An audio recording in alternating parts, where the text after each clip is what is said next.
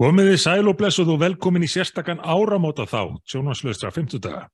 Þátturinn verður ofinnulegur í alla staði því hans nýst engöngu um verðluna afhendingar fyrir árið 2022 og ólíkt mörgum öðrum fjölmjölum þá býðum við þar til árið er búið áður en við gerum það upp og þess vegna er tilirminn til að segja gleðilegt nýtt ár því að áramótin eru komin, nýja árið er byrjað. En við erum hér að fylgja hefð sem að á sér langa sögu í ymsum fjölmjölum, Erlendis og raunar að nokkur leita á Íslandi líka. Vefmiðlinn Vefþjóðvilin eða Andriki tók upp á því fyrir mörgum árum að uh, verðluna uh, í ymsum flokkum fyrir árið. Svo hvar það nú en viðskiptablaðið hefur spreykt sig á þessu líka en enginn er með eins marga verðluna flokka og sjónaslausir 50 dagar og því ekki eftir neina að býða Bergþór, hvað segir við, erum við tilbúinir? Já, ég held að við séum tilbúinir. Það er auðvitað búin að vera, það kom mikið að tilnemningum til okkar um minna ímsuflokka uh, og síðan valnemdin, panelin, uh, valdi úr og, og svona tókst á innbyrðis um það hver ætti raunverulega skili hvernig þetta hitil En áður en við byrjum þá vil ég bara óska hlustendum okkar gleðilegs nýs árs og þakka fyrir gott ár sem nú er liðið. Það var frábært að hérna, eiga þess að vegferð með ykkur í sjónvarslösum 50 hinga til, en við erum rétt að byrja. En nú skulum við vinda okkur í flokkana. Og á hverju eigum við að byrja? Heyrðu, við ætlum að byrja á framkvæmda menn ársins tilnefningu og niðurstuðu þess, þess flokks. Já, þessi flokkur, þessi verðlun markast kannski aðeins af nærum hver okkar hér. En framkvæmdamenn ársins eru fórsættisnefnd alþingis fyrir að hafa haugleitt að allt árið að standa við eigin álugtanir um að taka til á Östurvelli. Þá, þá erum við að tala um uh, svörtu keiluna, þetta Já. ljóta grjót sem er hérna fyrir utan alþingishúsi sem er náttúrulega risastórt hérna, fingursmerki frá borgarstjórn Já, og hefur verið sér hugleikið.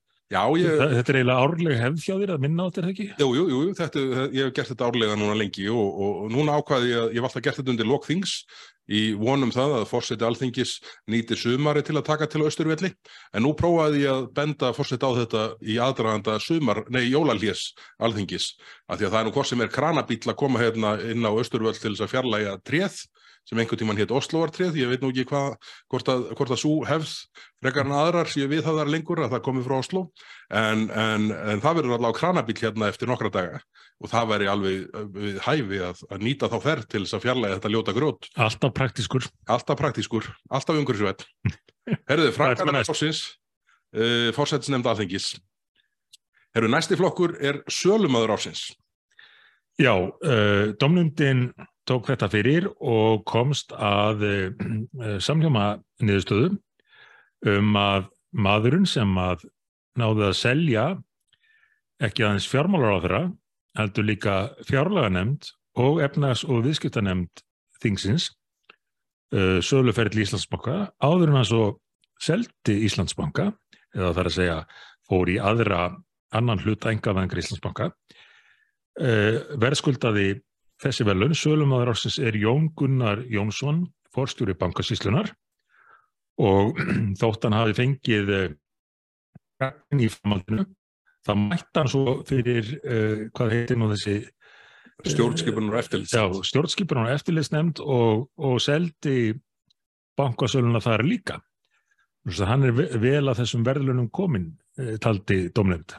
Og Jóngunar, uh, fórstjóri bankasíslunar, held í raunar fram að þessi sala væri miklu mun betur hefnaðari heldur en svo sem átti sér stað í fyrra, sem sagt fyrirumferðin. Alveg rétt, þú spurðir hann út í þetta á fundinum og hann, má segja, tók undir með okkur því að við hefum nú þráttur að hafa, þetta tekið því vel að, að þetta er því allt saman skoðað og, og eitt og annað sem betur hefði mátt fara þarna kæmi í ljós, þá bentum við á að Í þessari setnumferð hefði minn teikist mikið á um hvort að verðið á hlut hefði að það voru 117 krónur eða 120 krónur en í fyrri hlutanum, í fyrri engavæðingu Íslandsbaka var hámarksverðið 79 krónur. Akkurat. Og við svona vorum líklega fyrir einu á, á sínum tíma sem bent á að að hugsanlega mætti, mætti nú huga betur að, að söluverðinu en þetta vakti ekki aðtökli fyrir en núna í, í setni sölunni. Nei, nei, akkurat, akkurat.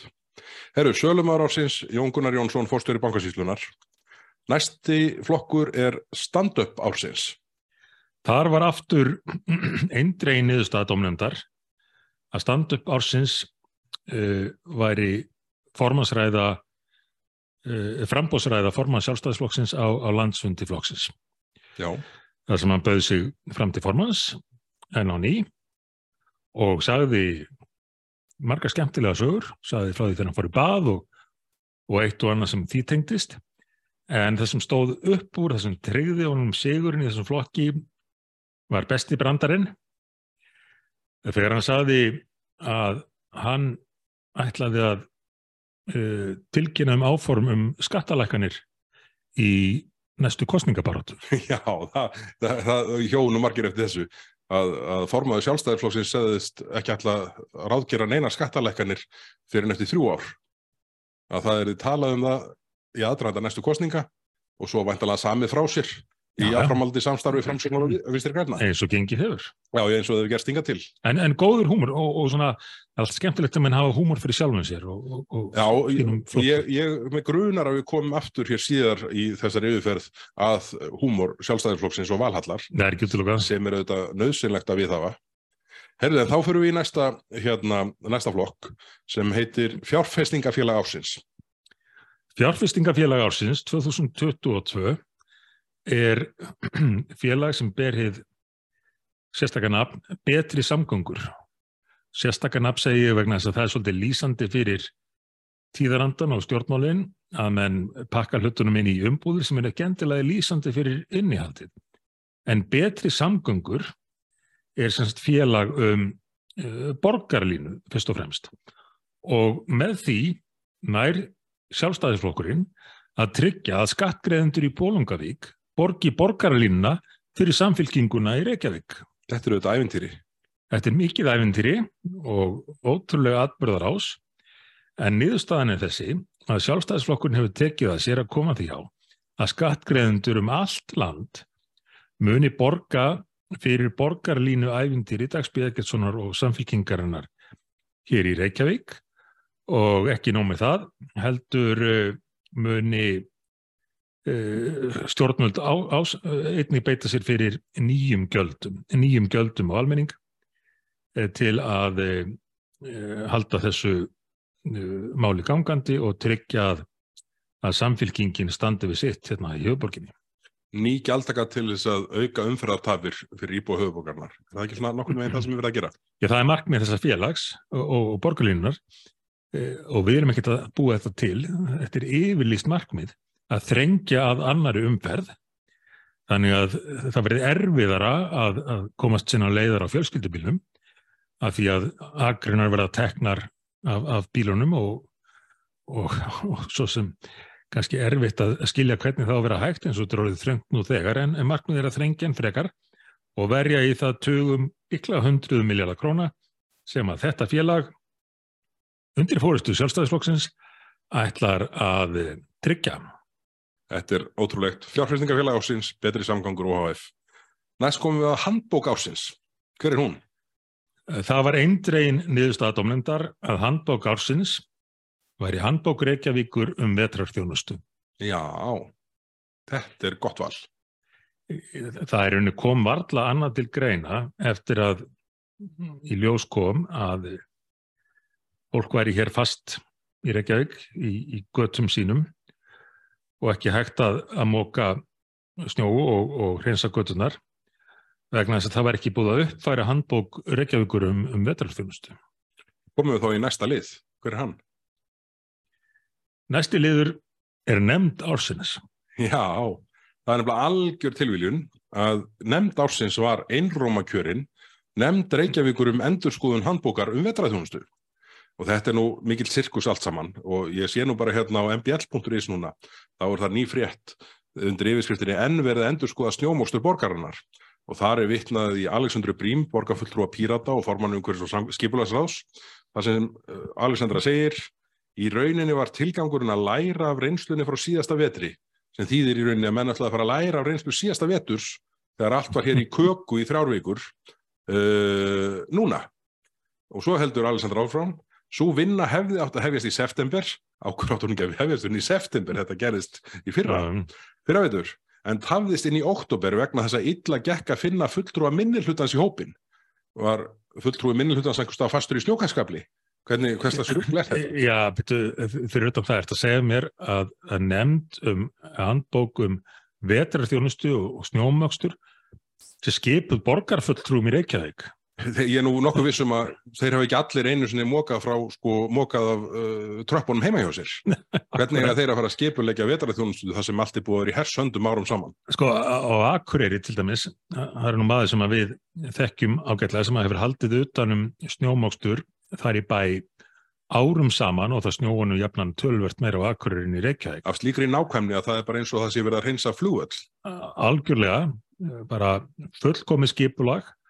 og um, ótrúlegt að fylgjast með þeim gera þetta. Hér í Reykjavík virðast menn bara vera búin að glata þessari þekkingu.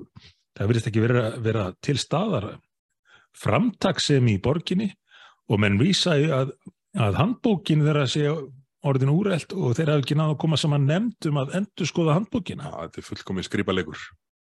Nefnd ársins, nefnd Reykjavíkuborgar um endur skoðun handbókar um vetraþjónustu. Hvað er næst á dagskrá? Það er einu bók, það er jólabókin, stórflokkur. Það er jólabók ársins. Margar bækur sem að koma út uh, fyrir þessu jól og og ymsi uh, letu til sín taka á því sviði en uh, jólabók ársins var á endanum hver? Jólabók ársins var bók Íslandsbanka um kenningar Gretu Thunberg sem þröngvaður upp á börn með, sem opna reikning í bankanum. Þetta er sem sagt uh, börn sem opna reikning í Íslandsbanka. Þau fá þessa bók um hugleðinga Gretu Thunberg í einhverslags kaupæti. Og þetta eru þetta meira af því sama hjá þessum banka sem er enn að megin hluta til í eigu uh, skattgreðanda. Að, að það er svona hugðarefni vók hugðarefni sem að, sem að virðast að ráða frekarinn frekarinn uh, góður bankarekstur hafðkvæm kjör og gott flæði. Ég skrifaði nú að sín sem að grein undir fyrirsögninni rétt trúnaðar rekstur. Og þar kom Íslandsbanki tölvertu sögu því að þessi ríkisbanki eins og hann var þá og reynun eins og segir ennþá að mestuleiti yfir ríkisins vilist hafa einbett sér að öðrum hlutum en bankaþjónustu og því að veita slíka þjónustu á sem hafkvæmustu verði. Því að meðan þeir hafkvæma gjald, uh, hækka gjaldskrána sína sem er nú upp á fleiri fleiri blaðsýr jamt og þétt þá einbyttaði sér að því að uh, gefa börnum bækur með mjög einliða umfjöllun um umhverjasmál svo ekki sér dýbri á hann tekið en það er enda málaflokkur sem við munum taka fyrir alveg sérstaklega Jú, jú, akkurat í, í sérþætti um umhverfis og loslasmálin. Sem við ætlum að taka upp núna áður en þingjum við saman. Já. En er, þetta er nú ekki fyrsta skipti sem Íslandsbanki fer í svona æfingar. Það er nú ekki nema cirka tvö ár síðan bankin gaf út á auglýsingu að, að það er þið skoðað að, að stöðva auglýsingakaup hjá fyrirtækjum sem ekki hefðu kynja hlutföll sem að Já. bankin sætti sig við. Og í fjölmiðlum, voru jú. fjölmiðla fyrst og fremst? Þetta mun vera, ég var alltaf ekki hirt það leðrétt Þetta mun vera fyrsta tilraun, allavega ríkisfyrirtækis, til þess að ekki aðeins reittstýra fjölmiðlum heldur hlutast til um starfsmannahald á fjölmiðlum. Já, já, alveg magnað og enginn saði neitt. En nema við. En nema við, eins og gengur. Oftaður. Þetta er, en þetta var semst Jólabók Ársins. Bækur Íslandsbanka uh, sem börn sem opnaða reikning fá með skilabúðum Gretu Túnberg. Já, en uh, yfir í allt annað. Herfóringi ársins. Herruð, þarna, þetta var áhugavert, þarna var bara einn tilnefndur. Já. Og, og það er þannig að herfóringi ársins 2022 er Katrín Jakobsdóttir sem leiðir þáttöku Íslands í NATO. Og þetta eru þetta hérna, vakti aðtegli hjá, hjá valnemdini, hjá panelum, að þarna væri fórsettsráðura úr flokki vinstri græna sem á fyrirstegum hafði verið sko þáttakandi í þeim hópi sem formaði þá þjóðururkistefnu sem nú er í, við líði og hafði gert fyrirvara um NATO-kaplan þar. Ásamt núverandi sendiðra Íslands í Moskvu þessi tveir fullur á vinstri græna og þetta er auðvitað alveg kostulegt og, og, og svo þarf ekki að fara langt aftur í tíma til þess að rifja það upp að, að loftáru sér NATO í Líbíu, á Líbíu voru með samþykki og stuðningi vinstri hrefingar en Garnis Frambús. Já, eitt fyrirvarandi ráðfæra sjálfstæðisflokksins orðaði það þannig að sprengjurnar sem fjallu á Líbíu væru líka vinstri grænar sprengjur. En nú er þessi sami fósittisráð þeirra að endur skoða þessa stefnu, þjóðaröryggis stefnu landsins Já, já.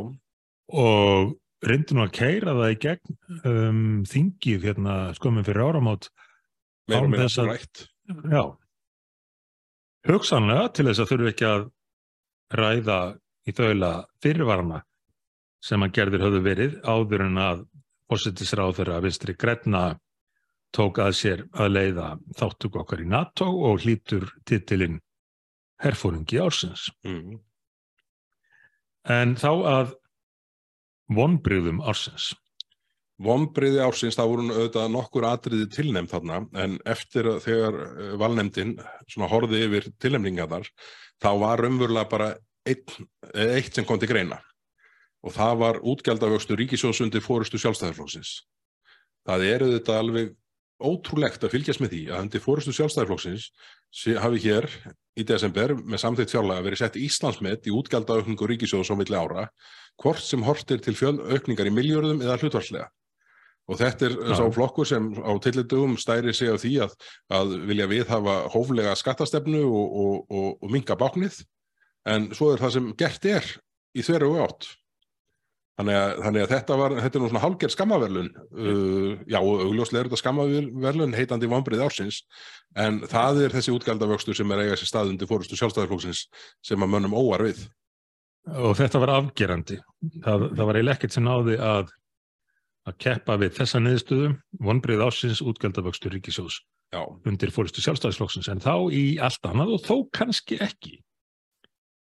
Gleðigjafi ársins. Þarna skín í gegn svona kaltæðni þessa vals ákvæflum. Gleðigjafi ársins er ríkistjónin. Og hvers vegna er ríkistjónin nú valin gleðigjafi ársins? Jú, það er vegna sérstakra umhverju skatta á plasskeiðar, diska, blöðurur og allt sem geti komið við sögu í barnaafmæli. Þetta eru sömu flokkurnar og formuðu hér reglur og fylgdu þeim eftir í tengslum við heimsfaraldurinn þar sem að nágranna voru farnir að ringi í lögregluna til að tilkynna um það að veru 11 samankomin í barnaamæli í næsta húsi, það í stegaganginum, en ekki nýða tíu. Þetta sko, þetta er bara framhald, þetta er meira því sama og þetta er auðvitað alveg ömurlegt að fylgjast með þessu. Hvers vegna er þessari ríkistótt í, í nöpp við barnamæli?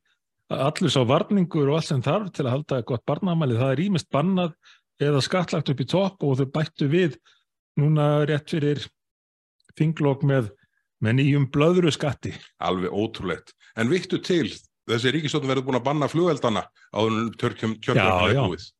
Það á að taka alla gleði úr þessu. Ég óttast að, þú sást nú hvernig, hvernig þetta var, umhverfið stopnun, uh, ofnbær stopnun, hvati fólk til þess að öskra frekar en að uh, sko, senda upp flugvelda.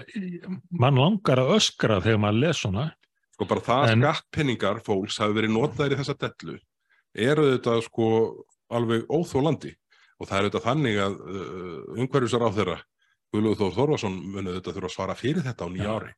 En þetta var til þess að ég ákvaða að fara að kaupa ekstra stóran flugveldapakka fyrir 13. Já, já ég, ég kefti ekstra stóran fyrir áramótin þannig að ég bæti kannski í fyrir 13.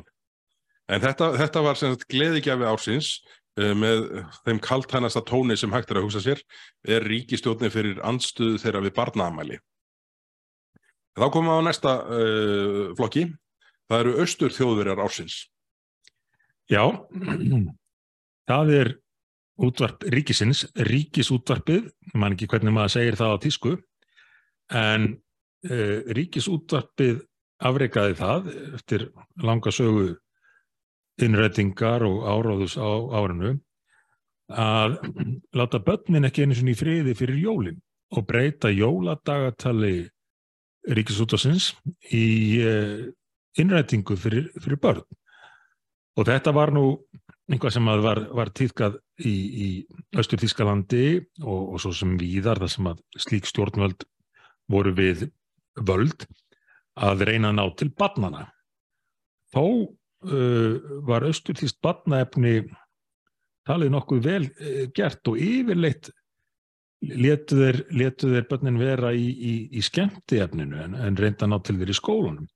En þessir jólaþættir Ríkisútafsins eru víst, skilst mér, síndir í sumum skólum hér á landi svoleiðis að, að fóraldrar geti genið slögt á sjónvarpunum til að forða börnunum frá þessu þá er, þá er þetta bara sínt í, í skólunum og, og þessir þættir eins og mann hafa nú kannski heyrt af umfjöllum fjölmjöla ganga miklu leiti út á uh, mjög einhliða umfjöllun um stóra og erfiða mál sem er málefni hælisleitunda. Það er önnur ríkistofnun, útlandingastofnun gerðað svona einhverju Órabögli. Já, og, og, og forstjóri þeirra stofnunar í þáttunum er gerðað einhverju grílu og með þess að dóttir fórstjórans er, er leiðilegi krakkin í bekknum og annað eftir því. Þetta, þetta var, mér ítla gert. En ætli með ekki búast við því að fyrir næstu jólverði, jóladagatal Gretu Thunbergum um hvernig ber að skilja loslagsmálinn. Já, já, það má rekna með því. Og þetta eru sömu skólanir sem við verðum að sína þetta í og sko vilja banna það að börn heimsækja kirkjur á aðvendunni. Já, já. Þannig að, þannig að, og undir þeim formerkjum að í því félist innræting. Þeir vildu nú líka forða fólki og börnum frá því að fara í kirkju í Östur Þískalandi en svo var bara samstæðan þar næg til þess að það var ekki hvað síst uh, kirkjan, lúteska kirkjan í Östur Þískalandi sem að það sem að ræturnar að, að falli kommunistastjórnarinnar eruðu til. Já, já, akkurat, akkurat. Og við vonum að, að kirkjan hér á landi hafi einhvað, einhvað úthald líka. Herðu, næsti flokkur, það er kaltæðni ásins. Kaltæðni ársins þegar að þegar að framkomu auglýsingar frá sjálfstæðisflokknum á samfélagsmiðlum, núna setni part árs, þá, þá tryggðu þeir sér sigur í þessum lið uh, afdráttarlust. En þú ert með, er það ekki einhver dæmi? Ég tók svona út svona best of af, ekki, ekki beint að handahói en, uh, handahói en það sem svona mér þótti, þótti svona ganga helst uh, á skjön við það sem að flokkurinn hefur verið að gera undanfarið og er hérna með fjóra punta af, af miklu fleiri sem að flokkurinn hefur verið að byrta á samfélagsmiðlun. Fyrsti punkturinn er enga framtækið og eigna rétturinn er besta náttúruvendin. Já, þetta, þetta er hár rétt, já. alveg hár rétt. En þetta kemur frá flokki sem er núna að hefja aðra ringferð um landið til að hafa lönd af bændum og fjölskyldum þeirra já, já. sem hafa sko rækta þau og varið í ár hundruðum samanátt. Látt umfram það sem tilstóð fyrir að lagt var upp með þetta. Ég, ég held ég að við sagt þér frá því einhvern tímann hér í, í, fyrri þætti þegar ég var í ráðunetinu þá, þá vildi ég leggja á þessa nefnd. Þá er mér sagt að það tæki því ekki, það tæki lengri tíma að í gegnum það ferli heldur en eftir væri af starfinu því að hún væri að ljúka störfum. Mm. Þetta hefur verið svona 2015 Já. cirka. 14-15, já. Einhvers leiðis. Síðan er Og- liðin mörg ár. Síðan eru liðin mörg ár og nefndin er farin aftur á stað og búin að útvika hlutverk sitt. Það sem að ríkið uh, reynir með sífælt ja, tilrunakendari hætti að, að ná landi af bændum og sjálfstæðsflokkurinn á sama tíma auglýsir að eignaréttunum sé besta náttúruvendin. Ég mitt, þetta er, þetta er uh, áhugavert að sjá. Erum síðan punktu nummið tvö. Innleiða ætti útgjaldareglu í lögum ofinber fjármál til þess að hemja útgjaldavöxtins ofinbera svo að það íti ekki undir þenslu í hagkerfinu. Nei, nei, nei, nei, nei hæ, hættu nú. Er þetta er- Sjálfstæðisflokkurinn? Þetta þetta er alveg ótrúlegt með þegar þessi sami flokkur, okkar góði sjálfstæðisflokkur, er nýbúin að setja Íslands með í útgjaldaaukningu.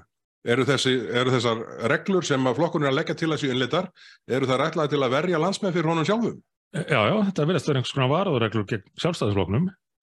Uh, hvers vegna hann bara þá breytir ekki um stefnu frekar en hann vilja setja lög til þess að forðast áhrif sjálfstæðisflokksins. Það er ekki gott að segja. Uh, þegar, núinandi fjármálar á þeirra var í, í ríkistjórn með mér og þá einnig sem fjármálar á þeirra.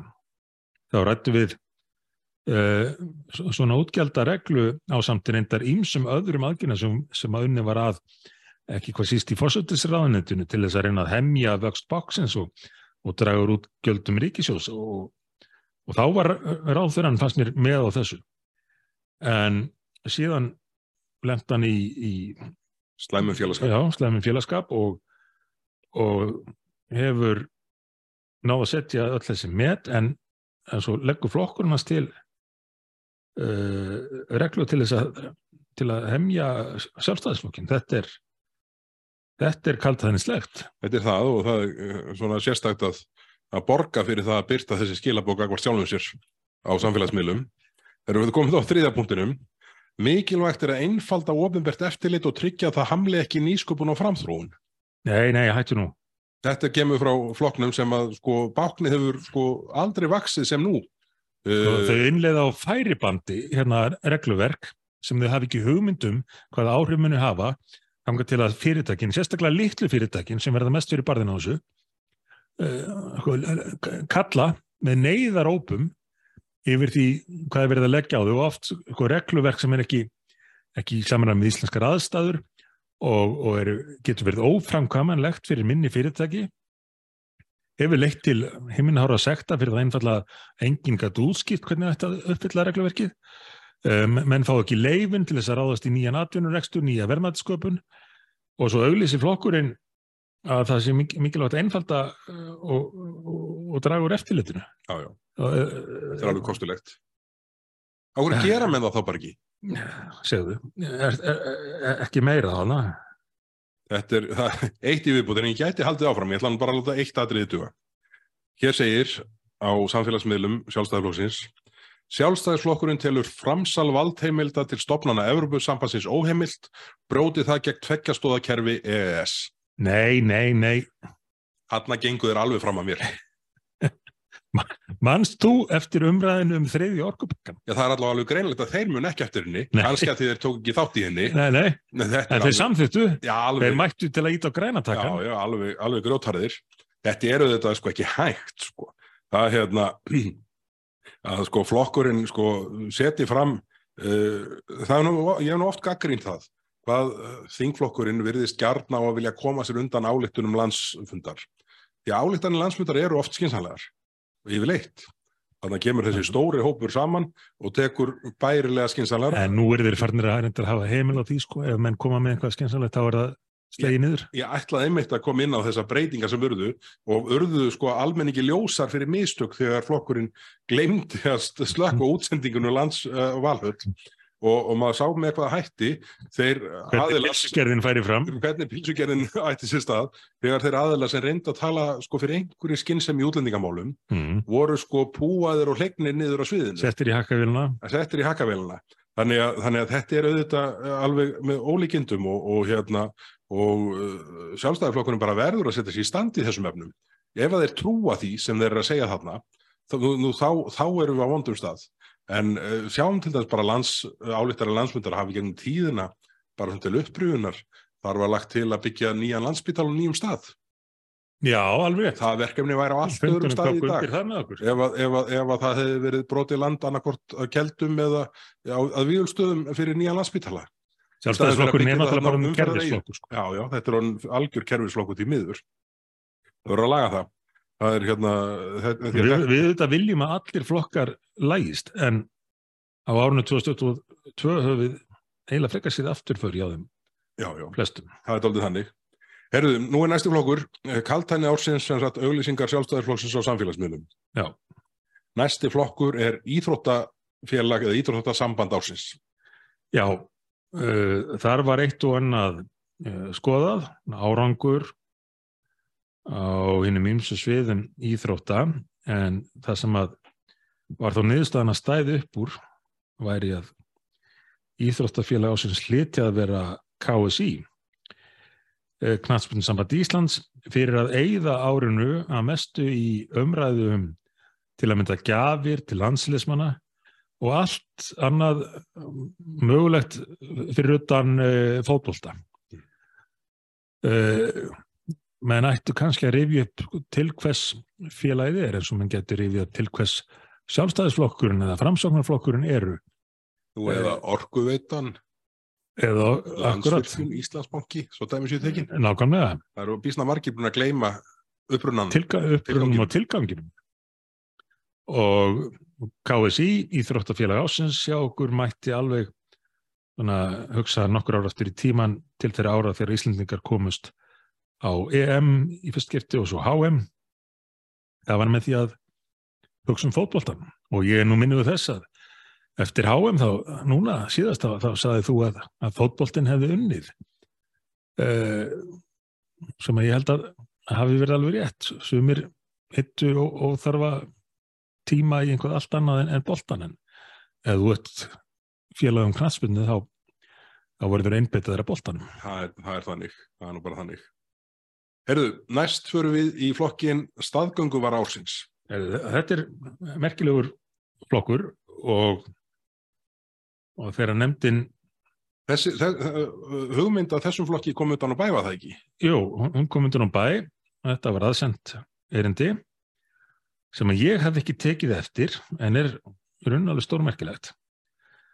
Staðgöngu var, var ásins er kók, það er að segja kók á Íslandi sem að miklu leiti er sænst kók. Mm. Maður hafði nú alist upp við það að, að heyra þá skoðun að kók væri best á Íslandi af því það væri íslenska vatnið.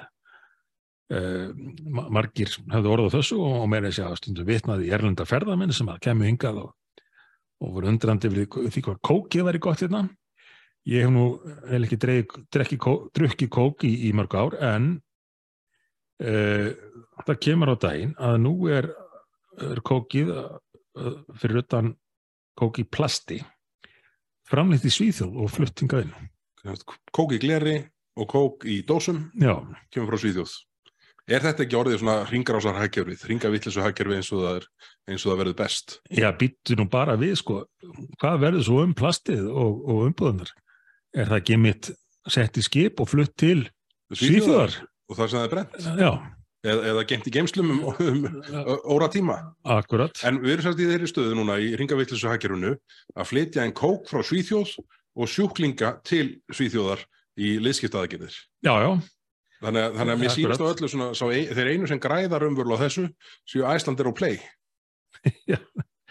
já og, og hugsanlega einhver skipafélag sem að flytja, flytja ruslið út. Já, já, akkurat, akkurat. Uh, Er, en þetta, þetta, en, uh, sko, þetta gerist strax 2018. já, Ég verði að viðurkenna, ég hafði ekki veitt þessu aðtegli fyrir en að þessi ábending komið bara bæ. Og, hérna, og við bara hvetjum uh, hlustendur til þess að vera dögulegir að senda okkur, senda okkur svona ábendingar því að þetta er auðvitað uh, áhugavert í bestáfalli. En alveg gilt sem staðgöngu var ásins af því að þetta er ennþá, ennþá staðan, viðstu það? Já, já, akkurat. Herru, þá er það næsta, næsti flokkur. Það eru prinsipmenn ársins. Herðu, heldur ekki bara að fósettisnefnd alþingi sé að fara að tryggja sér hér önnur verðlaun sín Já, á árinu, aðsópsmikil nefnd. greinilega.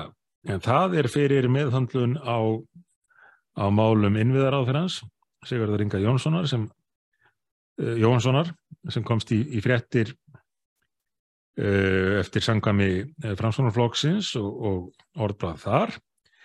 En nefn, nefndin eftir að, vera- eftir að hafa vandraðist með þetta vikum og mánuðum saman komst að því að þarna værum að ræða þingmann og ráð þeirra meiri hlutans og því uh, var ekki mannað að ræða en að vísa málunni frá.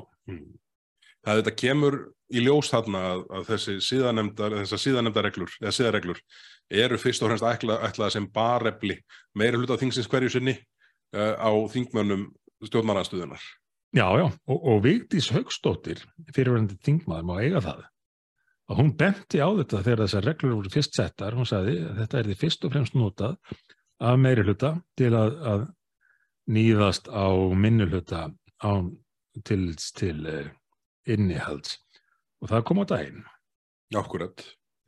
Þetta er hérna, þetta, en, en sko þetta, ég, ég hef nú trú á því að, að menn fara nú á endanum á horfa til þess að það sem skiptir mestu máli hjá stjórnmálamennum og stjórnmálaflokkum sé að reyna að standa við það sem þeir lofa kjósendum. Það er í siðareglunum mínum. Já, Ég samti mínur eigin siðareglur. Þetta er nummer eitt. þetta, er, sko, þetta eru síðarreglur sem ekki allir getur skrifað undir. Nei, nei, nei. getur það ekki. Það er, það er auðvitað djöf, uh, ekki einfalt, kannski alltaf að, að lendi í stjórnarsamstaf við, við fólk sem að, þú veist, algjörlega ósammála. En það að brjóti aldrei á neyn, að menn seti aldrei niðurfótinn, segir, heyrðu, nei, veist, við tökum ekki þátt í þessu. Já, Það undistrykar auðvitað bara það hvað límið í ráðherrastólunum er stert. algjörlega. Hver, hver, eru- við komnir? Við erum komnir að eh, máli sem tengist nú atrið sem við rettum hérna rétt á. Það má segja að við höfum tísað á það, svona gefið því undir fótinn. En það er ringrásar hagkerfi ásins. Já, hvað skildi það nú vera? Þarna voru svona nokkur atriði nefnd, en það sem uh, valnefndinni uh, bæði í fjölda tilnefninga og síðan svona þegar hort var á þetta helstætt, þá blasti við að það var augljós sigurveri í þessu flokki. Ringrásar hagkerfi ársins er íslenska heilbriðiskerfið sem að virðist einhvern veginn svona, uh, ja, það var nú bara gerðið sem síðast í gæra Björn Sóeka ráðgjafi heilbriðisáður að sagði, heyrðu, það er alveg fjárskortur ekki vandamálið. Já, já. Það er bara kerfið sem að, hérna, er þannig inni sem er, er, að, er að valda óskaplega miklu tjóni. Fleiri reynslu miklu menn hafa sagt slíkt, slítið sama en, en ríkistofninu virðist ekki takast að laga kerfið, bygglistar lengri en nokkuð sinnaður. er einhverja líkur á að ríkisjótt sem er samsett eins og svo sem við sittum uppi með núna geti lagað svona kerfi? Já, hún mun ekki laga neinn kerfi, hún er kerfi stjórn. Það, það er bara í aðlennar að, að starfa eftir kerfinu. En í helbiðskerfinu byrtist það til dæmis í því að þeim þykir þægilega að halda áfram að senda sjúklinga til útlanda, til Norex og til, til Svíþóður og, og, og Danmerkur til að mynda í liðskipta aðgerðir. Þótt það kosti þrefalt meir en að framkama slíka aðgerð á sjálfstæðri stopnun hér heima og svo er farið að flytja sjúklinga frá útlöndum á þær stopnanir hér heima sem hefði getað sint íslensku sjúklingurum. Þetta er náttúrulega svo fáranlegt að það tekur ekki nokkru tali. En tryggir íslenska helbriðiskerfinu verðlunin ringrásarhagkerfi ársins. Þetta er svona hljóma nú meir eins og ringa vittlesu kerfi ársins. Eh, Það ánum stundum uh, við með uh, ringrásuna hjá, hjá þessum stjórnaldum. Þá komið að samvinnum að ársins. Hver geti það verið? Já, samvinnumæður ársins, það var á endanum bara einn tilnefndur af allmörgum aðeilum og það atvikast hannig og, og niðurstaðan er svo uh, að uh, formaður framsóknarflokksins innviðar á þeirra Sigurður Ingi Jóhansson er valinn samvinnumæður ársins fyrir lögum niðurlagningu samvinnufélaga. Er að trúa þessu um formann framsóknarflokksins og þetta er, þetta er eitthvað sem að hérna, sem að uh, svona aftur finnum við okkur í þeirri stöðu að það uh, aðgerði ríkisjóðnanar fara þvert gegn yfirlýstum markmiðum Alveg og gegnumgangandi. meira heldur en hjá samvinnumanni ársins sem, að, sem fe- lagði fram og fekk samþýtt lögum niðurlagningu samvinnufélaga. Og þau samvinnufélög sem verður fyrir þessum lögum, þau munu þá lúta í lagra haldi fyrir því sem var opnað á í staðin. Uh, Alþjóða fyrirtæki sem að taka megnið af hagnaðinum úr landi til að mynda Uber sem að nýverið var mikið í umræðinni fyrir það að, að já, uh, áhrifamönnum, stjórnvöldum til að, að komast að og, og geta rutt uh, samkeppnin úr vegi og svo laði sér greinuna rétt fyrir jólin þar sem farið var yfir það að, að sáti arabar sem ættu stóran hluti í, í, í þessu fyrirtæki fjármögnuðu það að undirbjóða á markanum til að losna við samkeppnina.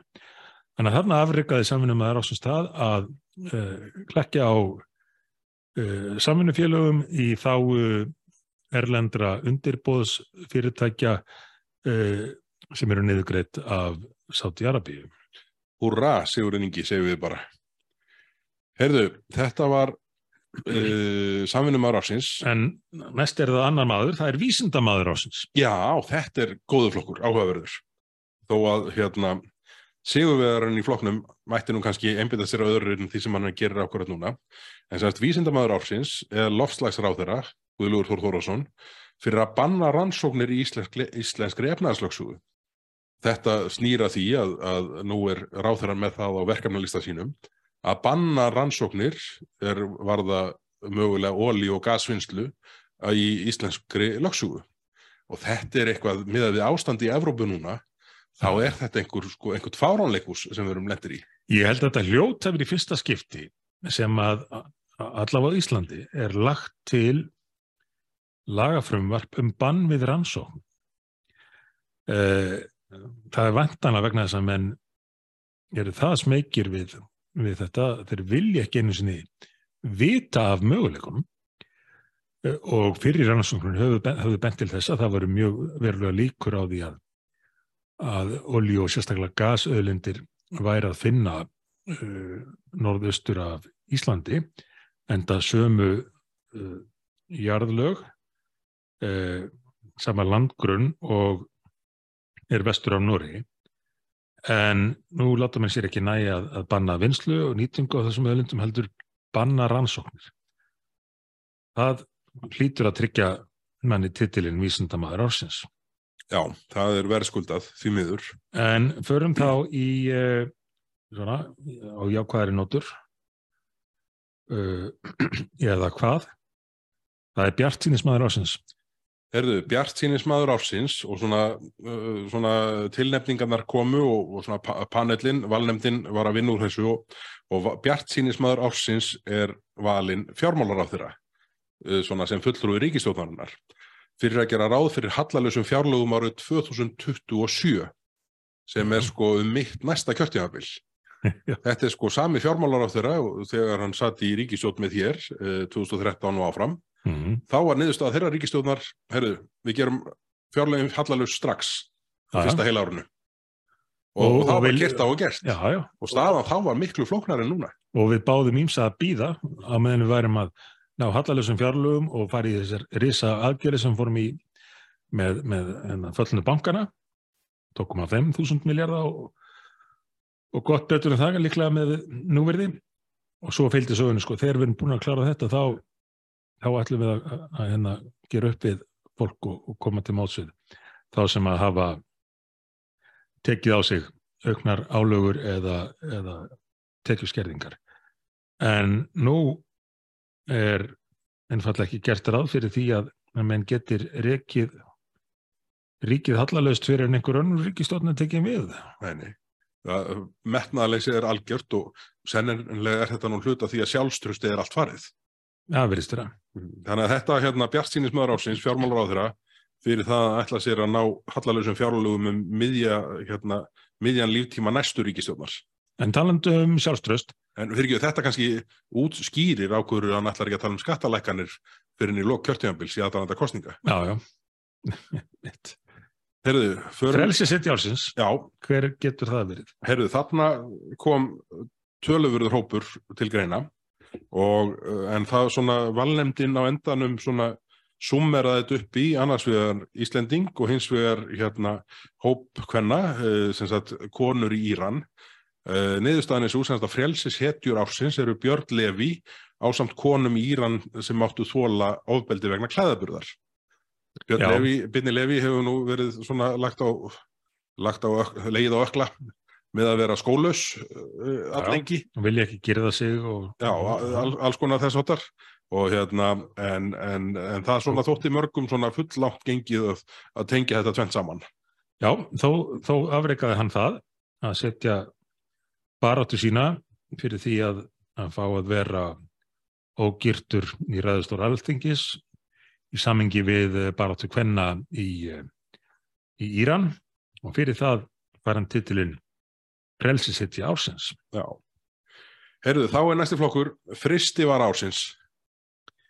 Já, þetta tengist nú máli sem að var verðlunað fyrir hérna áðan og ég vonað verðlunað hafinn velunahefinn eh, takið þessu svona á þann hátt sem að það er ætlað og ekki illa, en fristi var ársins er formaður bandalags íslenskra lögubjörðastjóra eh, en hann var látin býð út í brunagatti bæði fyrir utan innviðaráðanittið og fyrir utan ráþeirabústæðin án þess að ná áherð ráþeira. Hann var fristur úti af ríkistjórninni þegar hann leitaðist við að, að ná uh, máli ráð þeirra og, og tala máli sína félagsmanna. Þetta var náttúrulega ömurlegt að fylgjast með þessu. Það voru nú uh, vídeo, eða semst upptökumenn fjölmila á staðnum í, uh, í bæðiskiptin og það var beinlínu skellt á nefið á honum og hann láttinn og, og, og, félagar hans hókra þarna út í brunagatti á meðan enginn virtið á viðlits. Já, já, Og þetta, hérna, þetta, er, þetta var afskaplega svona einhvern veginn hryssingslegt og ónótalegt að, að fylgjast með þessu. já, var það.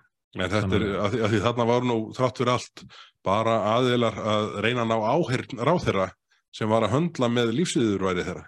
Já, Það er ekki víst að hérna, allir hefðu tekið þessu þegjandi. nei, En þetta eru kurtisismenn þeir eru það. Það. Herðu, nú er næsti flokkur Vinir ársins. Já, vinir ásins eru báðir ráþerar í sömu ríkistjórn. Já, Það eru dómsmálaráþera og félagsmálaráþera. að kaltænin. Smá kaltan í þessu því að skeitasendingar á milli þeirra á árinu voru slíkar að eh, svona hérna áður fyrir ef að ráþerarinn að sömu ríkistjórnar hefði verið, verið að tala uh, hver til annars með þessum hætti þá uh, hefði það nú verið talið til margs um það að ríkistjórnin ætti ekki endilega uh, marga lífdaga eftir. En það var nú kannski eitthvað síst félagsmálaráþurinn sem, sem að skammaðist í uh, dámsmálaráþurunum hvað var það ekki? Hælisleitundamál, umhverfismál og, og einhvað slíkt. En, en þeir hafa lengi verið að kýta þó kannski sérstaklega félagsmálaráþurinn að skamma dómsmálaráþurinn sem virðist láta eitt og annað yfir sig ganga. Er þetta, hefur þetta verið staðan bara síðan vinstri grænir komast upp með það að reka eittar áþur á sjálfstæðarflóksins? Líklega, já. Sko, nú skal ég reyna að setja þetta í samingi. Um jólin uh, Og fluttu, fre, frekju hundar fara alltaf eins langt og þeir komast. þeir, þeir gera það nefnilega. Og, og, og, og um jólin heima fluttu inn tveir nagrísir. Fyrst einn og svo annar. Og þegar að, Ég vona hvorur þeirra hafa verið skýrðu beggi. nei, uh, ég lagði til að þeir erðu skýrðir Hallgrímur og Þorgeir en, en barnið uh, umræðamaður þeirra uh, sett sér ekki við það en, en sá sem að var þarna áður tók ekkert sérstaklega vel á móti þessum nýja og í rauninni bara nýttist á honum verður að segjast uh, hamaðist á honum. Og svo kom þó að því að þeir gáttu svo við í sama litla húsinu en, en sá fyrir í, hann, hann hjælt samt áfram alltaf annað slægið að af tilefnislausu að, að ráðast á hinn til að beigja hann undir sig. Hanga til sá setni var orðin undirgefin og það er kannski bara það sem hefur gerst Bendi margt í þess. já, að við sjáum náttúrulega núna, uh, við komum kannski betur en á þá eftir, en til dæmis uh, tók fórsættisráðara í garð dómsmálaráðara núna vegna reglugerðabreitingar sem heimila rafbissur. Nú skal ræða það mál á ríkisjónaleveli, en þegar til að mynda Guðmundur Ingi Guðbrandsson félagsmálaráðara gerir breytingar sem eru pólitíseðlis en kemst upp með að gera þær með reglugerðabreitingu, já, þá er ekki metið sem svo að það þurfa að ræða þannig sérstaklega, það er bara tilkynnt. nei, það er ekki saman hverjir það er ekki saman hvort þú Hallgrímur eða Þorgir Nagrís Það er náttúrulega þannig, sko. Herðu, þetta, hérna, þetta voru vinir ársins. já, Næst komum við að sölufur ársins. Hver er hún? uh, ádráttalöst er söluvar ásins Ísland Já, þá sem ferðamannland. Nei, þótt ferðarþjónustinni hafi gengið ágætlega á þessu ári og náða að vinna heilmikið upp eftir COVID-tímabilið, þá er Ísland söluvar ársins vegna þess að það hefur rækilega komist á kortið hjá þeim áttátíðum og yfirlega glæpagengjum sem að skipuleggja smikla fólki og, og senda það til hérna ímsu Európulanda. Eh, Mette Fredriksen, fósittisráður að Danmerkur, fósittisráð þeirra jafnaðamanna þær í landi, eh, sagði á sínum tíma að Danmörk mætti ekki verða söluvara glæpagengja. Eh, Þess vegna væri markmiði með nýjum lögum að enginn kæmi til Danmerku til að sækja þar um hæli heldur gerðu menn það annar staðar þannig að Danir getur sjálfur haft stjórn á sínum landamærum. Íslenska ríkistjórnin stjórnvöld hér almennt fóru í þver öfug átt og með aðgerðum sínum og aðgerðaleysi tókst þeim að auglýsa Ísland með slikum hætti að ekki aðeins er ásóknin hlutværslega langmest til Íslands af öllum Norðurlöndunum. Grundvallar, algjör grundvallar breyting frá því sem áður var þegar var langt minnst, minnst ásók til Íslands heldur er Ísland líklega búið að setja Evrópumett sem söluvara í ströymi hælisleitenda og hjá þeim sem að skipulegja slíkar ferðir. Já, akkurat. Þetta er ekki gott að eira. En þetta er því miður söluvar ásins. Þá fyrir við í næsta flokk, Huldumadur ásins. Huldumadur ásins er borgarstjórin í Reykjavík Já. sem að er hverfur alltaf. Hvað segir þið? Hver er það aftur? Uh, man, ég man bara DBE DB. munum við. Um, Dagur dagur, dagur, E. dagur, já, já, dagur, uh, hann, hann er borgarstjóri í Reykjavík Mm. og uh, hann hverfur alltaf e- ef að einhvað er gaggrínt og eitt og annað hefur verið gaggrínt til borgin enda fullt tilefni til. Hvort sem það er, eru leikskólamálin, uh, sorpirða, þrefagötum, uh, snjómokstur, fastegnamálin, uh, gatnagerð, heilbriðismál á því marki sem að þau heyrindi borgina. Listin er langur af málum sem hafa komið upp á þessu ári sem að borgin hefur verið gaggrind fyrir og í rauninni bara fjölmörg klúður sem hafa komið fram í dagsljósið en þá hverfur borgarstjórin alltaf. Já, akkurat. Þetta er sannlega Huldumadur ásins. Já, Það, uh, ég verð að nefna að það var annar aðili nefndur þarna og það var sem sagt uh, flokkur sem sagt sem hefur nú verið haldið fram um að hann tæki þátt í Íslandsmeistaramótin í feluleik reglulega. Já, Það er framsónarflokkurinn. já, já, En Dagur Bjeggesson, hann hafiði framsónarflokkin undir þarna eins og reyndar í öðru samhengi nýlega. eins og, eins og þeirra kemur að ákvörðinum í samgöngumálum. Já, já, akkurat, eða, eða varadekkinu sem já. hann kifti inn til sín. Herðið, en þá komum við næsta borðaklippar ásins. Herðu, borðaklippari ásins er borgarstjórin í Reykjavík Nei, og hann heiti Dagur B. Eggertsson. sami og sá sem var uh, Huldumar ásins. Já, Já, en þegar að kemur að því að opna einhvað, hvort sem það er gata sem að búið er að Þrengja. skipta um hellur eða, og, og þrengja og setja uh, blóm eða, eða hvað sem að Fuglabúr, tekur, fuglabúr, eins og hossallagöðunni forðum. þá er hann mættur. Og hann mætir líka til þess að sína glærurna sínar til að tilkynna um eh, 20.000 eða 30.000 eða 35.000 nýjar íbúðir sem að svo byrtast aldrei, hann byr, uh, mætir þetta líka til að tilkynna um að hann ætla að fjölga borgarbúum með meir en 1% á næsta ári með því að auglýsa eftir 1500 hælisleitundum og gerir það í samstarfi við félagsmálur á þeirra án þess að segja nokkuð tíman hvar íbúðurna séu eða hvernig að fjármagna þetta. Eh, hann hérna áður fyrir líka, að þú nefndi nú Osloar 3 hérna áðan, þegar, þegar að norðmennum voru enn að gefa okkur Osloar 3 þá fór hann til Noregs til þess að höggva 3 og ég man ekki betur en að í eitt skiptið hafi þurft að fara aftur af því að 3 var gallað eða ég man ekki hvað kom upp á. Og þá fór hann aftur að ná í Osloar 3 og, og þetta alltaf teknar myndir. En að þegar að einhvað slíktir er í gangi þá þá er hann mættur. En þetta er sko, uh, svona ef við horfum aftur í tíman, bara svona frá þeim tíma sem ég byrja að fylgjast almennilega með pólitík, þá myndi ég nú halda að, að sko samgöngur á þeirra hvers tíma hefði eiginlega alltaf vunnið þennan flokk með afgerandi hætti. En nú er borgarstjórin Dagur Bjækisson búin að plata Sigur Inga svo oft, raðplatan í raun, að, að Sigur Ingi á ekki séns. Dagur er búin að plata hann til þess að klúðra sundabraut, Dagur er búin að plata hann í þennan samgöngusáttmála, þar sem að sko einu stopprautaframkvæmdunar er eitthvað sem hefði gest hvað sem er, en Dagur er búin að fá þessa borgarlínu hormung uh, inn í kerfið. Já, þannig, að- þannig, að, þannig að Sigurður Ingi Og, og svo náttúrulega lendir Sigur Ringi því sko að það kemur á daginn hver vikt hann ser í ríkisóðinni þegar innu finnur sig í þeirri stöðu að það er 10 miljardar sem vantar upp á samgönguállin næsta árs með samþitt fjárlög. 10.000 miljónir og bara hann En yppti ég bara er öxlum. ekkert vissum hann að vitað af því.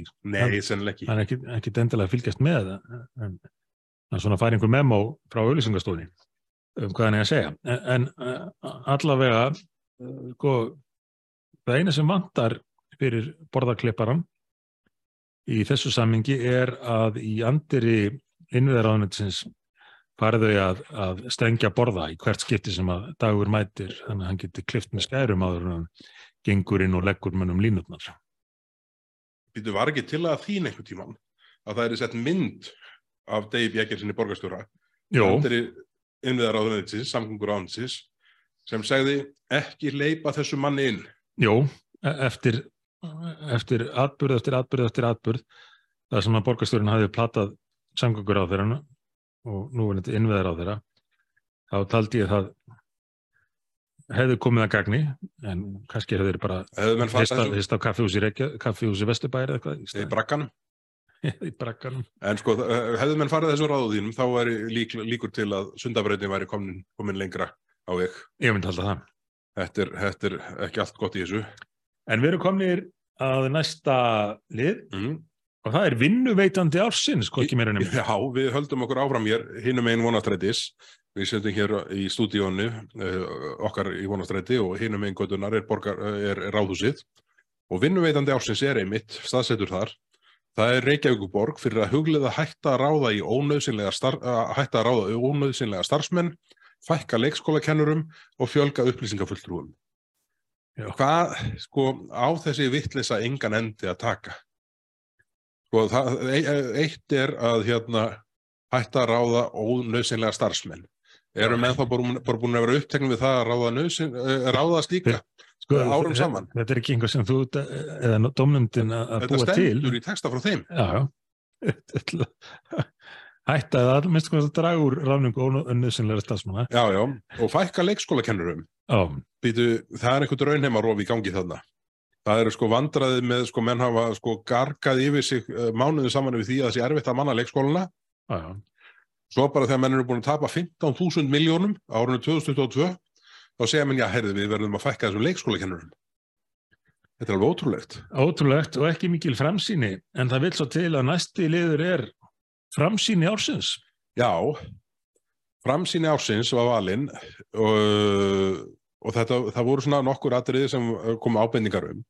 En svona panelin, valnefndin, hún komst að þeirri niðurstöðu einróma að framsýni ársins væri ríkistjórnin fyrir að banna vinslu, ætla að banna vinslu og rannsóknir á olíu og gassi á dregasvæðinu á sama tíma og Evrópu skortir gas yfir um allt annað og ESB skilgrinir gas sem náttúruvænan orkugjafa. Þetta er auðvitað, þetta Já. ljómar eins og einhver satýra. Eh, Það gerir það Eh, og þetta er í rauninni alveg ótrúlegt mál. Hvað, hvað hefur staðið upp úr í evróskum stjórnmálum og efnaðslífi á árunni 2022? Það var uh, gasskortur, áhrifin af því að Evrópa hefði ekki lengur aðgang uh, að uh, gasi frá Rúslandi sem að sömu Evrópulöndin hefði illu heilli, illu heilli vanið sig á og reitt sig á uh, og efnaðslegu og samfélagslegu áhrifin af þessu En á sama tíma ætla ríkistofnin ekki aðeins að banna rannsóknir eins og við komum aðeins inn á það með vísindamenn ásins heldur. Heldur vill hún einfallega ekki nýta þessa auðlind, auðlind á því sem að Evrópu skortir mest, auðlind sem að gæti hjálpað Vesturlöndum, eh, styrt stöðu þeirra og aukið örgiðra. Ég tala nú ekki um, gæti eh, verið game changer, hvað kalluðu það á Íslandu, íslensku, gjör breytt uh, atvinnulífi á, á norður og, og austurlandi og, og raunar aukið velmögun á Íslandi öllu. Já, já, þetta getur orðið eins konar stafangar Já, Íslands, þarna á norðusturhóðinu. En framsýn ásins var þegar ríkistofnin ákvaða að banna vinslu á gasi á sama tíma og gasskortur er stærsta mál Evrópu. Akkurat. Já, komum við að, og kannski ekki alveg ótengt, ekki alveg ótengt velun, Matvæla framleiðandi ársins. Heyrðu, Já, matvæla framlegandi ásins, það er matvæla ráðherra sem vil losna við kjöt og mjölkuframleyslu á Íslandi. Þetta er auðvitað alveg ótrúlega staða sem bændur finna sig í að vera í þeirri stöðu að ráðherra málaflokksins sé ansnúin framleyslu vörunar alveg sem þeir skil af sér sem er best að vara í heimi. Já, já. Þetta er algjörlega ótrúlegt og, og, og, og, og þetta uh, bara ef við skoðum stefnuplaggið sem var lagt fyrir lofslagsrástefnin í Glasgow í fyrra og var síðan ítrekað uh, gagvart uh, lofslagsrástefnin í Egiptalandi núna, þá virðast menn bara ætla sér að reyna að leggja eins marga steina í götu kjöttframleyslu á Íslandi og nokkur kostur er. Þetta er alveg ótrúlegt skjál. Það er líst uh, svona framtíðarsýn eða hvað heitir þetta, sviðsmyndum íslenskra stjórnvalda um þróun samfélagsins og svo sín sem að virðist vera svona að mati skýsluhöfunda eftirsoknar verðust gerir eiginlega bara ráð fyrir því að yðnaður og landbúnaður leggist af á Íslandi. Já, já, við höfum öll að vera í einhverjum gjörningahópum og tína fjallagröss. Já, já, já, það er ekki orðið mikið.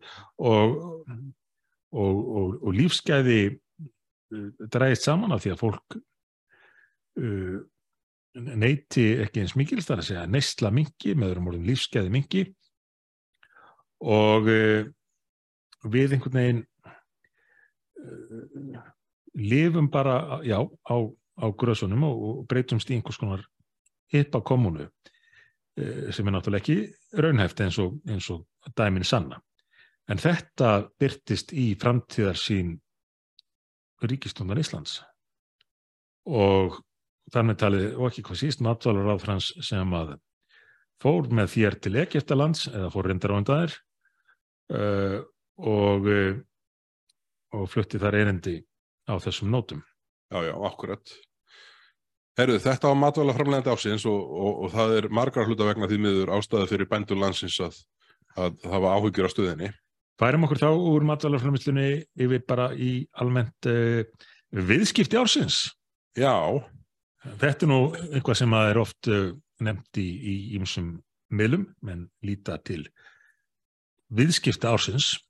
ég, ég held að sko allir sem hafa reyna að velja viðskipti ársins hafi kann, uh, bara kannski voru þeir búinir að taka ákvörðun þegar þetta kom upp, því að þetta kemur auðvitað ekki upp fyrir milli jól og nýjárs sem að sín nú hvað er mikilvægt fyrir okkur að taka upp áramóta eða semst árstáttin eftir áramót. Já, já. Fyrir það sem gerist á milli ára, uh, jóla og nýjárs er að ríkisjóður afhendir uh, hlutafélaginu betri samgöngur, keldnalandið og annað til sem ég man nú ekki nafnið á sem er umfram það sem var áallað í þessum þegar, þegar lögin voru sett á sínum tíma. Og, og, og ég held að það sé þannig að sjaldan hafi einhver fengið jafn mikið fyrir lítið eins og betri samgöngur OHF í þessum viðskiptum. Fjárfestingafélag ársins Fjárfestingar Ég- fyrir ásins, afhent afhent að gjöf eina verðmættustu eign ríkisins eftir að þingi var farið í frí. Já, þannig að það var ekki tætt að ræða hér. Þá er skyndilega tilkynnt um yfirfæslu á þessari gríðarlega verðmættu eign kunnáttu menn í þessum efnum fullir það mig að raunverulegt verðmæti þess land sem var fært til betri samgangna OHF hafi liggja á bylunu 40 til 50 miljardar. ég get trúa því Hva, hva, hva, hvað er, hérna, gengur samningun út á? Já. 15 miljardar. já, já, Og hvað fær ríkið fyrir? Hlutabref í þessu þrótafélagi sem að sko er ekki um, pappir um, um borgarlínuna Já, sko það það var hlutabref í, í kostningalofurði samfélkingarinnar Akkurat, heyrðu, og það, það, það er alveg örugt að þetta hlutafér, þetta hlutabref sem ríkið fær fyrir þetta, þetta Mhm. verðlösa hlutabref, verður nota sem barefli á ríkisjóði til að borga þrótareksturinn þegar hann hefst á þessu batteri. hvað heldur þau maður? það er ekki ástæðu laus að, að þetta er tilnefnt sem viðskipti ársins Ég held að þetta sé alveg ótrúgt og það er engir nema dýralæknar geta klárað þetta svona. Nei, mitt. En, en sko, eins og að segja með verðmætið, dölin verðmætið þarna, uh, sko, einhver tíman hjá einhverjum í, í engageirinum uh, hefði þetta verið kallað uh, svindl eða markasmisnótkunn eða einhvað slíkt.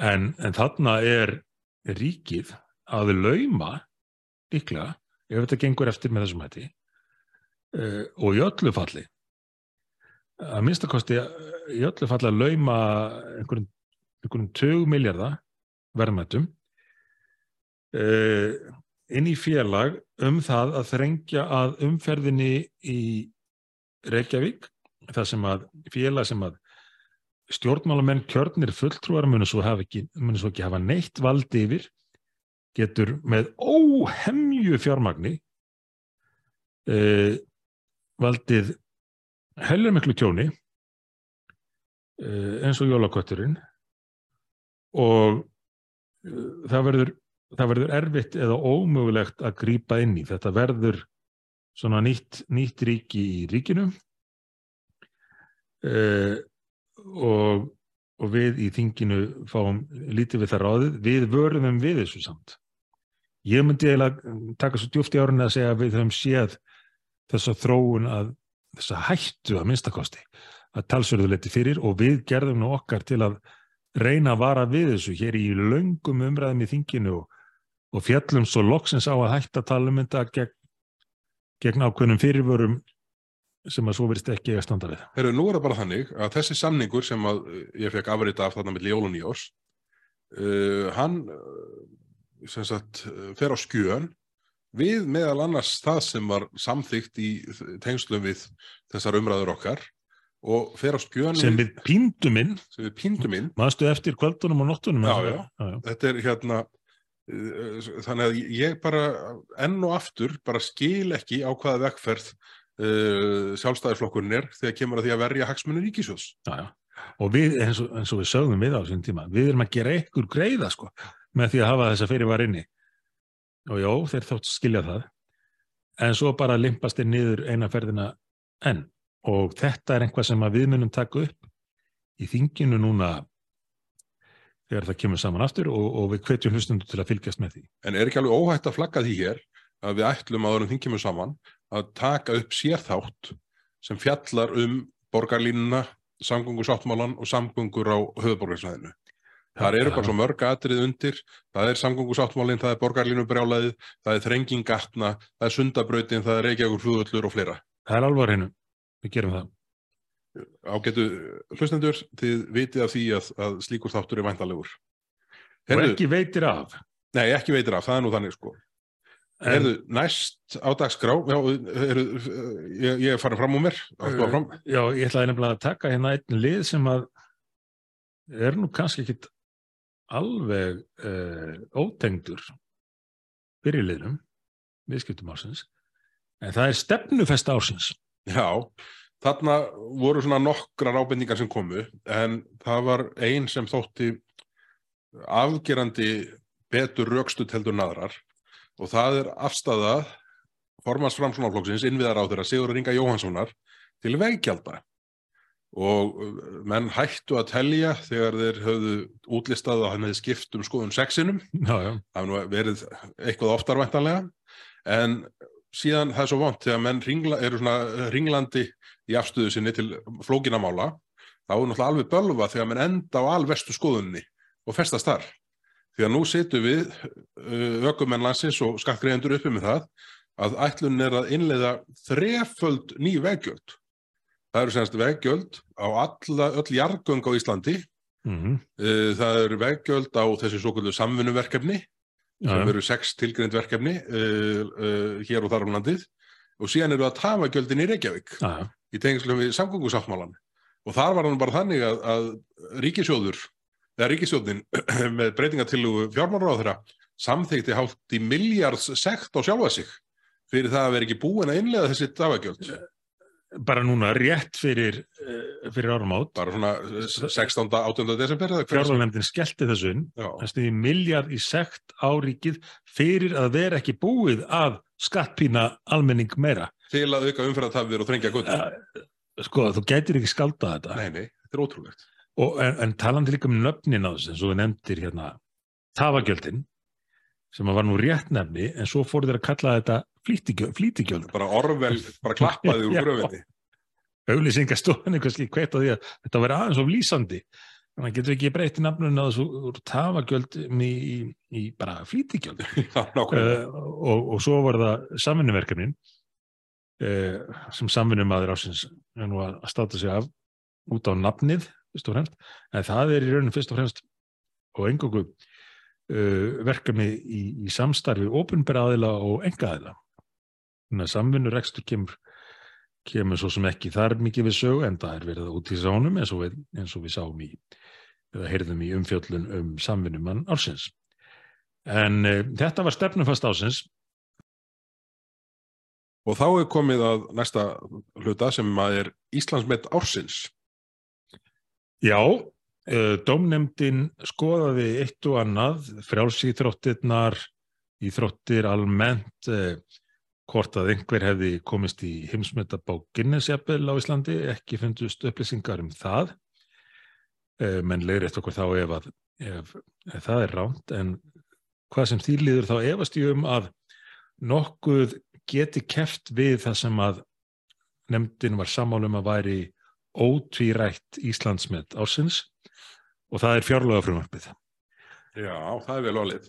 Langmestu útgjöld í sögu Íslenska ríkisins langmesta útgjalda aukningin hvort sem er hlutvarslega eða í krónum talið uh, stærsta baknið og já, eins og við komum aðeins inn á áðan mesta svart sinn um, um hvernig verði hægt að snúa við rekstur í ríkisins Þetta er verðskuldað það er, ég gerði nú grína því þingraðið hér einhvern tíman á höstinginu að ef að Bjarni Bendisson hefði bætt heimsmetið í langstöki jafn mikið og hann uh, jók ríkisútgjöld á milli ára þá þannig sko, stokkið 10,27 metra. Sem er langt, er það ekki? Það er mjög langt, það er engin maður að fara að gera það. Það er hérna, þingdaraflið, er alltaf sigur á þann slag. Þingdaraflið stoppar ekki ríkistjónana þegar kemur að fjárlega. Þetta er algjörlega stjórnlaust allt saman. Og, og ég svona í framhald að þessari samlingingu þinni velti fyrir mér gott að ekki mætti bara tala um þrýstök því að þau bættu við í hverju skrefi. Já, þetta var alveg ótrúlegt. Það kom sko uh, frumvarp sem var vel hannið af útgjöldum síðan kemur sko viðbota tillega frá uh, fjármúlar á þeirra sjálfum ah. við eigi frumvar upp á, ég man ekki, réttum 50 miljardar mm. svo bætir, bætir sko fjárlanemdi við 2,7 skitnum sko mm. eh, hvað er það, 5% af heldar viðbótinni ah. bara til hvers er þessi nefndi í dag ég held að það væri hlutað, hlutað uppstokkun stjórnar á, nei hérna þingstarfana kannski að skoða hvort að fjárlanemnd uh, þurfi eitthvað að horfa til hérna, uh, það þurfi eitthvað að horfa til hlutverkshennar sko. því að hún er greinilega bara orðin hérna, já því miður svona einhvers slags svona afgreðslu stopnum fyrir embætismenn og kontorista í fjármálaráðum. Sýtur bara við fagstakið og býður eftir já, já. mestu leðsögn. Býður eftir tilkynningum 95% af því sem þau að gera. Já, já. Þau ætla að gera. Herru, þetta var semst Íslands með dálsins og, og það var afgerandi. Það var afgerandi. Það átt engin séns í þetta langstök fjármálaráð þeirra. Eru næsti flokkur er lögskýring ársins. Já, og ekki alveg ótengt, uh, en lögskýring ársins er ákvörðunum að breyta óvand framlægi til fjölmiðla í ljósi fjölmiðla umfjöllunar.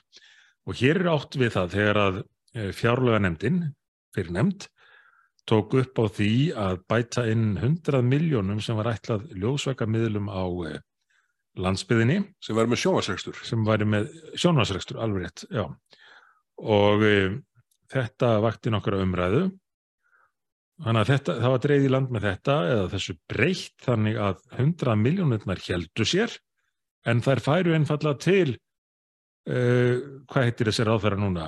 Ekki mentamálar ráðferða en uh, manið engin hvernig mynda fjölmiðlar ráðferða Lilja Dögg Alfredsdóttir til útlutunar og uh, vantan eftir gethóta eins og eins og áður, en, en þetta var semst, ekki raukstutt með því að nefndin hefði gert mistök með framsetningu sinni, heldur var þetta raukstutt með vísan í hvernig umfjöllun fjölmila um ákvörðununa hefði verið. Já, já.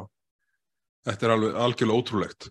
Og sko þetta eru þeir sömu fjölmilar og ráþeran hefur haft í hendi sér að beina styrkjum til undanfarin er ekki búið að gera þetta tvísvar núna?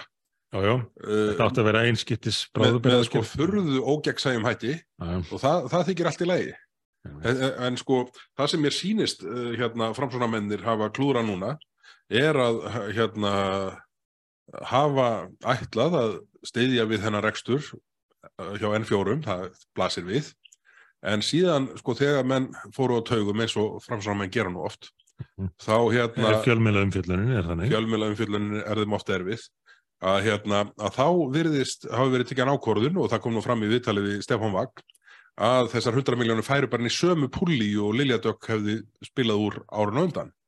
En málið er að svo púli að regluverki í kringum hana virðist hafa verið formuð þannig fyrst og fremst til að tryggja út af saga fengi ekki krónu. Já, já. Og, Og- og N4 fóru nú ekki vel út úr, Og, og það, út úr því heldur. Nei, nei, og, og, og það vættanlega gerir það mjög snúið að stýra einhverjum þessara fjármuna til N, N4 Já, já. og, og þannig, að, þannig að þeir eh, N4 þurfi ekki óvinni þegar þeir, þeir hafa svona vinni. Nei, nei, það er erfitt að ætla að vera bæði hundrað og einn flokkur og uh, hugað byggðamálum samtímis. Sko að því framsóna menn eru nú, nú sérhæft sér í féluleik undanfarið Já, já. í einum ímsum málum þá hefði nú verið eh, lítið mál eflaust fyrir Stefán Vagn að koma sér undan þessu viðtali. Maður skildi alltaf það. Það það einfalda eftir leikin mikið. En þetta getur verið svona, þetta er ekki alltaf einfalt í þessu lífi. Herruðu, þetta var lögskýring ásins, Þetta var lögskýringin, en þá að markaðs uh, markasmenn ásins já, ánum ársins uh, sem að uh, ástæðan fyrir því að ég hérna kalla þetta fram núna er svo að það tengist nefnilega atriði sem að sem að þú nefndir áðan sem er söluvar ásins söluvar ásins var Ísland. Já, en markaðsmenn ásins fyrir vikið eru íslenska ríkistjórnin og stjórnvöld fyrir að gera landið að langvinnsælasta áfangastað hælisleitunda að mista kosti í Evrópu. Já, bara ber af. Já, Þann eru Íslendingar raunverulegir heimsmyndstarar. hvað er þetta ekki árið tífalt með við, við eh, Noreg og Danmörku? Jú, það er eitthvað svoleiðis. Eitthvað, eitthvað þar um beil. og, og, og, og, og töluvert uh, hátt hlutvall gagvart Svíþjóð og Finnlandi sömu leiðis. Já, já. Markvalt, markvalt. Þannig að sko beitt kostnaður á síðast ári held ég hafi verið metinn 10 miljardar og það eru þetta bara hluti af hildarkostnaðinum. Og hérna, sko 10 miljardar í málaflokki sem að kostaði 700 miljónir 2014 eða maður rétt, 2014-15. Já, já. En samt, sko, þessi tíu miljardar, Það er bara, það það, bara það, plat. það er nú málið, sko, þetta er bara það, platt. það er ekki tekið með reikningin kostnaði fyrir heilbriðiskerfið fyrir uh, mentakerfið fyrir félagsstjónustu og, og svo framvegis Akkurat. sem er allt utanum þetta, þetta er bara beitt kostnaður uh, og, og svo sem ekki nýlunda að það sé reynd að fela þennan kostnað en enga síður ekki hægt að halda honum lægri en 10 miljardum þegar að leitið er fram hjá öllu hinnu Þannig að þetta eru hérna markasmenn ársins, Íslenska ríkið, fyrir að gera landið að langvíla vinsalast áfangastað heilisleitunda. Herru, svo er næsti flokkur, veður spámenn ársins. Já, veðusbáminn ásins eru þeir sem kröðust þess að ríkistjórnin líst yfir hamfararlínun á Íslandi rétt áður en að hér hóst kaldasta sumar í mörg ár og vetur sem að ég sá bara í, ég, fréttum í dag að sé líklega sá kaldasti í heila öld. Bara kalda sig síðan, amma mín heitin fættist 1. april 2018. Já, Já, frosta veturinn mikla vantanlega. já, akkurat. Þetta er ótrúlegt. uh, en, en þá vildu lýsa yfir hamfarlínun og þetta er einmitt svo lýsandi fyrir pólitíkina og, og við erum alltaf að tala um þetta en þetta er svo rétt að, að fyrir þessu fólki er bara það að kalla þetta hamfarlínun það er sko, aðgerð í sjálfu sér, það er árangur Já, já, eitthvað sem skiptir engum máli. Já, að gefa sér einhvern stimpil að setja þetta í umbúðir uh, fremur en að menn Veistu hvað stimpillin er sem við fáum fyrir að segja þetta núna? Afneitunar sinnar. Já, já, já, já, akkurat. Herðu, og sko, hvað segir það um þann sem það segir? Að sá hefur enga þekking á sögunni. Algjörlega. Sem er nú því miður allt of, allt of algengt nú til dag sjá þeim sem að vilja hafa vitt fyrir öðrum. Að þeir þekka illa til sögunar. Þetta voru við spáminn ársins, en þá er það næsti flokkur sem að ber heitið sjálfstæðismadur ársins. Já, Sjálfstæðismæður ársins er fyrirverandi formaður ungra sjálfstæðismanna í Kópói. Hvað heitir það félag? Týr, ef mann Týr. Fyrirverandi formaður Tís, ungra sjálfstæðismanna í Kópói. Einar Þorstensson, Bjargvættur og Varadekk, vinstri meiri hlutans í Reykjavík. Maður breytingana. Maður breytingana eins og hann kynnti sig og, og stökk inn í framsóknarflokkin eh, í samræmi við þá kenningu sem ég setti fram fyrir fimm árum síðan um hvernig framsóknarflokkur myndi spila þetta og hefur síðan gengið eftir. Hann myndi reyða sig á auðlýsingastofur og finna einhver celebrity, einhverja fræga til að bjóða sig fram fyrir flokkin og þar fenguður þennan þennan unga sjálfstæðismenn úr, úr, úr ríkisúttarpinu mann breytinga eh, sem að innliti svo þá breytingu að viðhalda óbreyttum meiriluta í sem var raunveruleg breyting með við niðurstu kostningana. Já, já, Því að meirhluti Dags Bjeggerssonar fjall aðrar kostningarnar í röð. einmitt. En það sömum líður vel sem var þetta ekki. En, en talandu um breytingar og ekki breytingar. Við erum komnir að þráíkjumunum ásins. Já, þarna komu nokkrar tilugur en Mhm. þetta var svona einn af þessum flokkum þegar tillagan sem var valin uh, kom fram þá blasti við að hún var svo eina sem kom til greina. Já. Og það sem að hérna uh, sem sagt þráhyggjumenn ársins eru viðreist, stjórnmálaflokkurinn viðreist. Eftir að meira segja samfélkingin sætti sig við að Ísland væri ekki á leið í Evrópusamvatið þá hjælt viðreysn alveg grjóthörð áfram á þeirri braut og, og, og svona, maður hefði haldið að þeir stuðningsmenn samfélkingarinnar sem letu atkvæði sitt ráðast af Evrópsamsmálum myndu færa sig frá samfélkingunni yfir á viðreysn en það gerðist ekki. Nei, nei, Viðreysn hefur sko uh, uh, farið niður í þessum tveimu konunum síðan Kristrún Frostadóttir sló Evrópasambandið af fyrir hönd samfélkingarinnar. Þannig að ég ímynda mér að, að þau séu í svona vangaveltum núnum það hvert skuli halda. en þó þreytastu ekki á því að kenna öllu sem aflugu fer um það um að við séum ekki aðalara Európusambandinu og, og það þrátt fyrir uh, bankakrísuna í Evrópu, þrátt fyrir evrukrísuna, þrátt fyrir innbyrðis átök Evrópusambandsins og tilhörnir framkvæmdastjórnarinnar og annara til þess að leggja undir sig uh, stjórn annara landa, Ítalíu, Gríklands, Póllands, uh, Ungverjalands og annar ríkja, þá breytist ekki til viðreist. Nei. Svarað er alltaf VSB. Akkurat. Þau eru svona einhvers slags bjartur í sumarhúsum stjórnmálan í dag. Já, já. Heru, Ja. þetta, var, þetta var hérna, þre, voru þrjáugi menn ásins. En yfir í allt annað, leikskólamál hafa mikið verið til umræðu á árinu og þess vegna sáum við ástæðu til þess að, að verðurluna leikskóla ársins. Leikskóli ásins fekk afgerandi kostningu. Já, Afgerandi.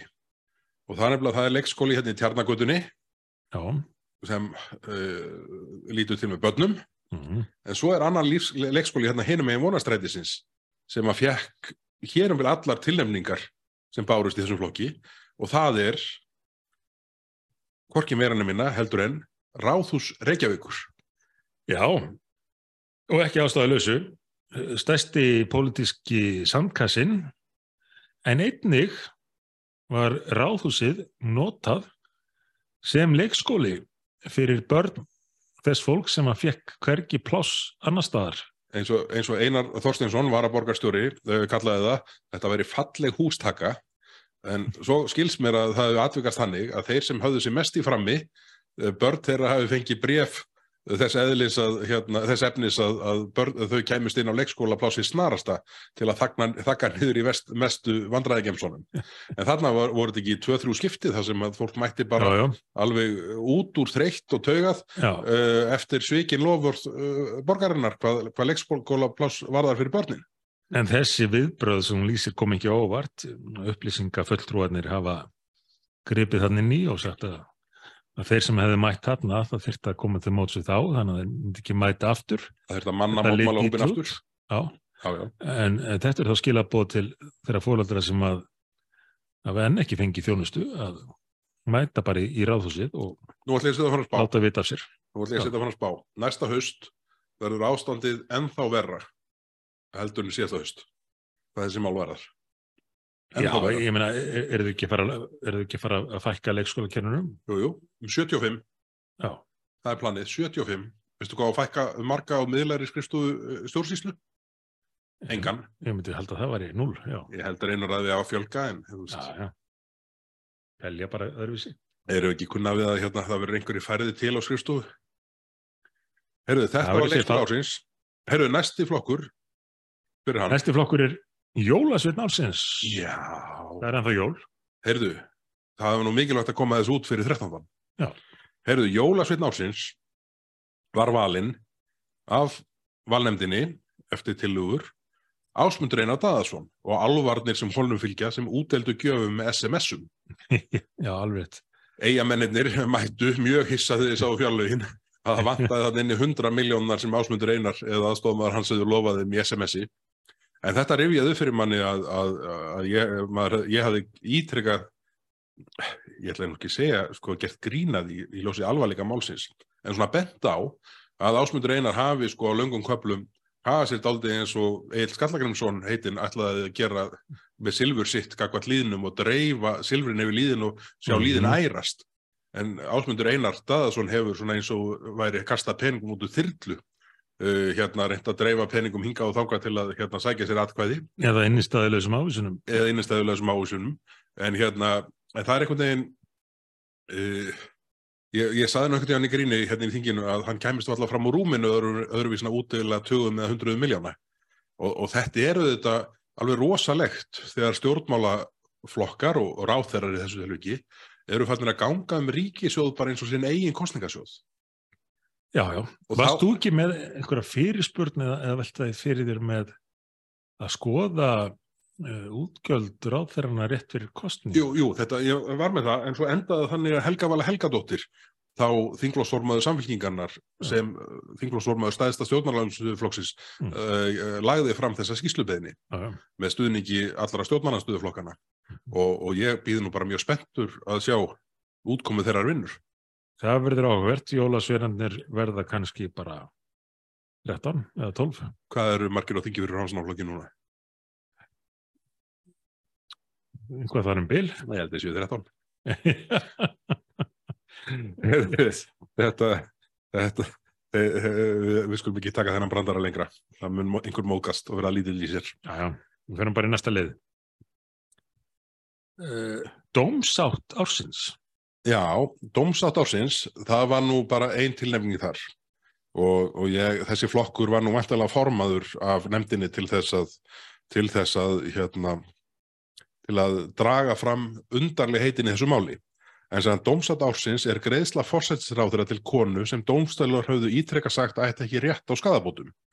Ástæðan var svo að viðkomandi væri kona og þetta auðvitað hlýtur að vekja upp spurningar hvort það sé væntanlegt uppið þú staða eða framundan að menn sem hafa talið sér, sér órétti beitta já. muni þráttur hafa tapa málum á öllum dómstugum uh, þramma inn til fórsættisráðura og sækja bætur úr ríkisjóði heimilda lausara með sínist ég veit ekki hvar fjármálaráður ætlar að benda á að þessum fjármunum sé hérna eða sé gert ráð fyrir þessum útgjöldum ríkisjós Nei, nei, það er ekki gott sjá, enda, enda voruðu nýbúin að klára fjárlögin og, og mikla vinnu fjárlöga nefndarinnar sem að eins og þú sagði nú áðan hérna, kom nú kannski ekki miklu að en fjármálar á þeirra búin að breyta ymsu.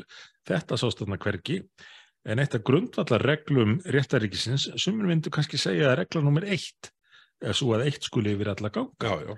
Þannig að það verður áhvert að fylgjast með áhrifum þessa. Þetta er bara til hugar uh, að því ég hlustaði á hérna uh, viðtal uh, Gísla Freys í þjóðmálum við Geir Horti núna milli jól og nýjárs Já, eða í aðranda jóla, ég hlustaði á milli jól og nýjárs uh, þetta er næst besta hlaðvarp landsins á eftir sjónslusum 50 já, já, aðbörða góði þettir hjá honum. En í, í viðtalinu við Geir kom fram að, að lögfræðikostnaður hans í landsdómsmálunu hefði verið, ég mann ekki hvort það var 20 að 30 miljónum umfram þann kostnað sem að hann fekk á grundvelli þess að ríkinu væri gert að bera, bera hérna, málskostnað hans og býtu, hvað ætla menn að gera uh, uh, þegar Já. rammar inn til fjármála eða fórsættisráðina já, já. Einmitt. með miklu sterkara mál heldur en það sem hér er umrætt. Herðu, þetta var sem sagt dómsátt ársins.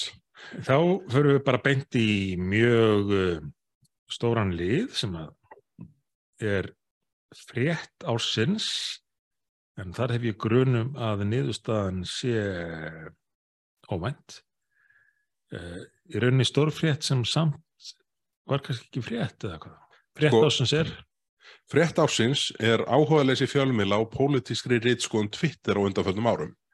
Og þetta er nú í rauninni uh, val á ekki fréttum. já, Því að það er auðvitað alveg með ólíkindum hversu hérna, lítið var um þetta fjalla miða við alvarleika málsins.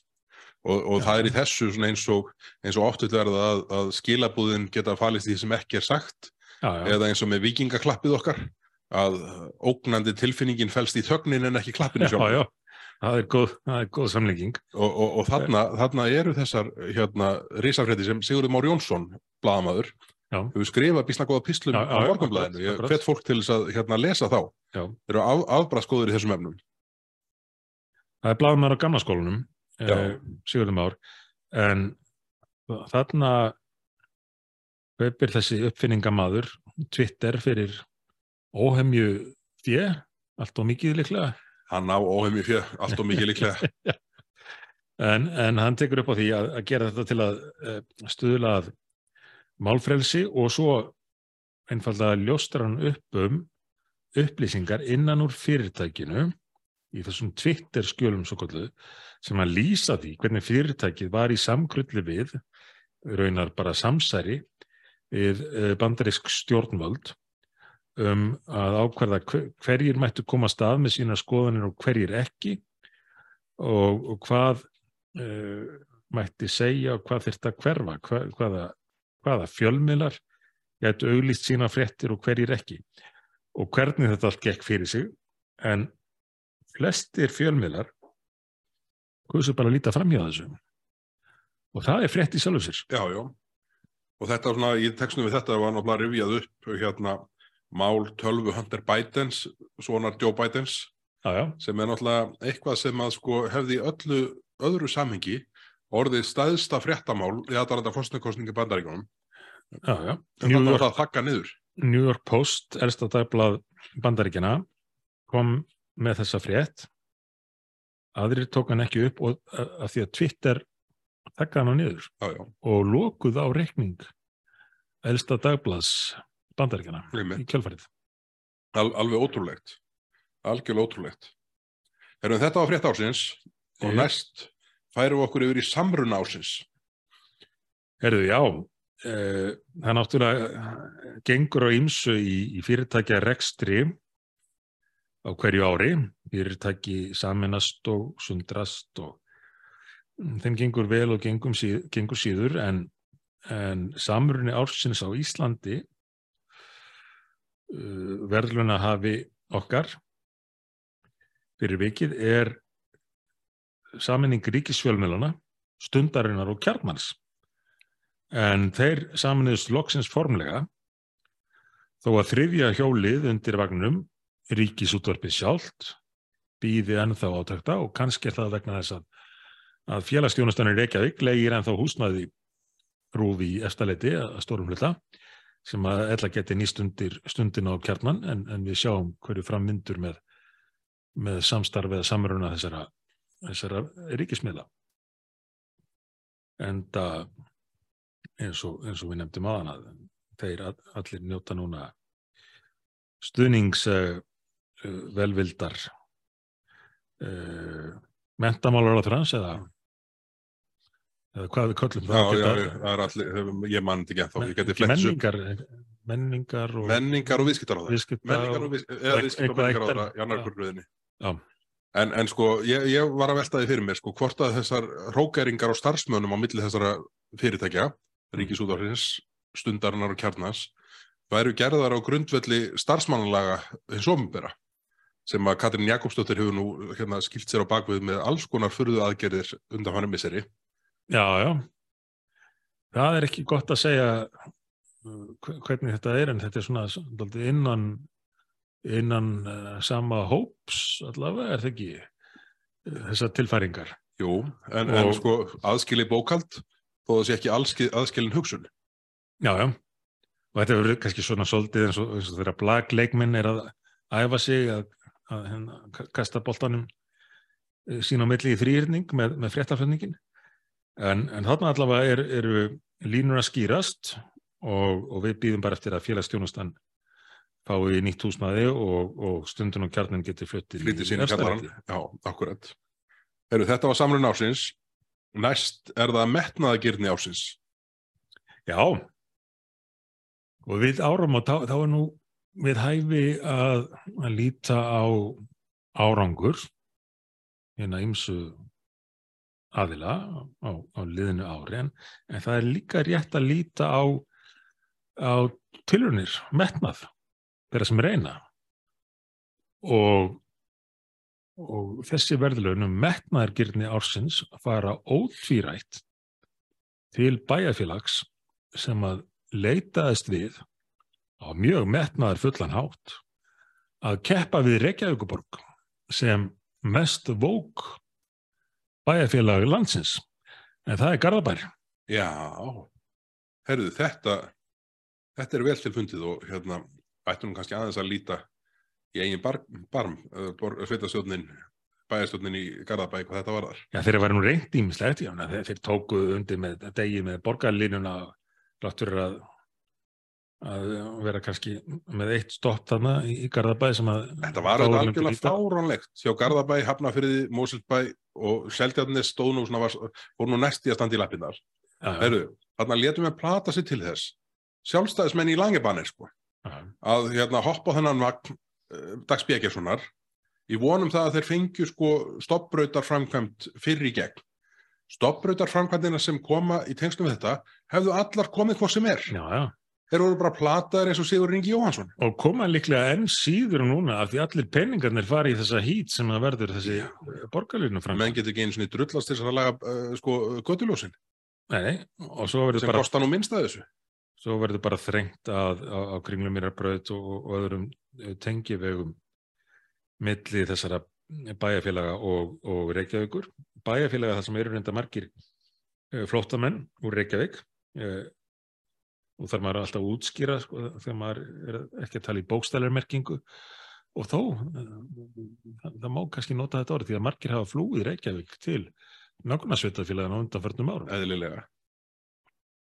En, en Garðabær, hann vill vera minni Garðabær og meiri Reykjavík og fyrir það fóður verðlunin metnað, verðlun fyrir metnaðgirni ásins. Herru, þá er það næst eigi ásins. Eigi ásins tvímælalaust heima í. Bara fyrir það að vilja vera með okkur áfram og reyna ekki að segja sig frá Íslandi eh, eftir allt sem á undan er gengið og stjórnarfar landsins.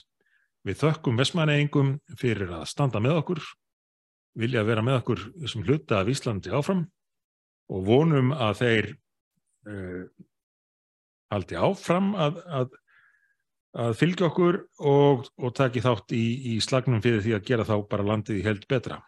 Þeir sendu nú góðan mann upp á land.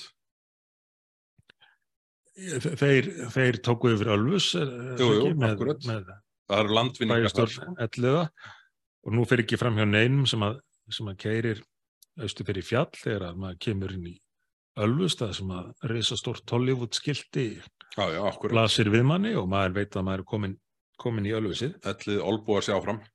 Hann gerir það og, og ég vona að hann og þau þarna komi í vekk fyrir að, eh, að fjöllin verði flutt úr landi þarna, það sem er, er af þeim á, á Suðurlandinu og umferðin teft en frekar. En það er önnur saga. Heyrðu, en þetta er eigi ásins, það er heima í okkar góðu vinnir í Vestmanniðum. En þá er það næsti flokkur ráð þeirra ásins. Dómnendin var sammála um það að því, því minna sem að ráð þeirra gerðu hér á Íslandi, þeim er betra. Svo þess að ráð þeirra ásins er utarikisráð þeirra fyrir að blanda sér ekki í íslensk stjórnmál. Þetta þykir mig góður raukstunningur. Reyndar koma eh, svona einhverja sendingar utarikisráðanendinu varandi sko, ES og svona, en En er það ekki bara einhver, þetta bölvaða færiband Já, já, sem þetta gengur allt á, sko? já. Og ekki nokkur utanengisráð þeirra í mörg, mörg kjörtíðanbill hefur gert nokkra aðtöðasemdu neitt að því. Nei, nei, nefnitt. Maður veldur nú oft fyrir sig hversu mikið þetta lesið. Fyrir utan held, í þýðingamiðstöðinni. ég held að minnst að að fáir við einhverju þingmenn gerir sér grein fyrir raunverulegum áhrifum þessara mála. Nei, nei, það er nú málið, það er nú málið. Herru, þá komum við næst að efnaðastarákjafa ásins. Já, hann byrtist okkur óvænt núna í lók þingstarfa fyrir áramót. Þegar Arnar Þór Jónsson var að þingmaður sjálfstæðisflokksins, sagði þinginu frá greiningu svona síns, 14 ára, á stöðumála uh, hjá ríkistöndinni, uh, orðaði einhvern veginn, einhvern veginn á þann hátt að, að það þyrfti ekki að hækka skatta svona mikið, það þyrfti bara að eyða minnum. Með því náði hann að, með þessari einu setningu sinni, og hann hafi kannski verið alveg rétt orði hjá mér, en, en með henni náðan að uh, greina vanda ríkistofnarinnar betur en hún hefur sjálf geta gert á fimm árum. Það er nú eitthvað.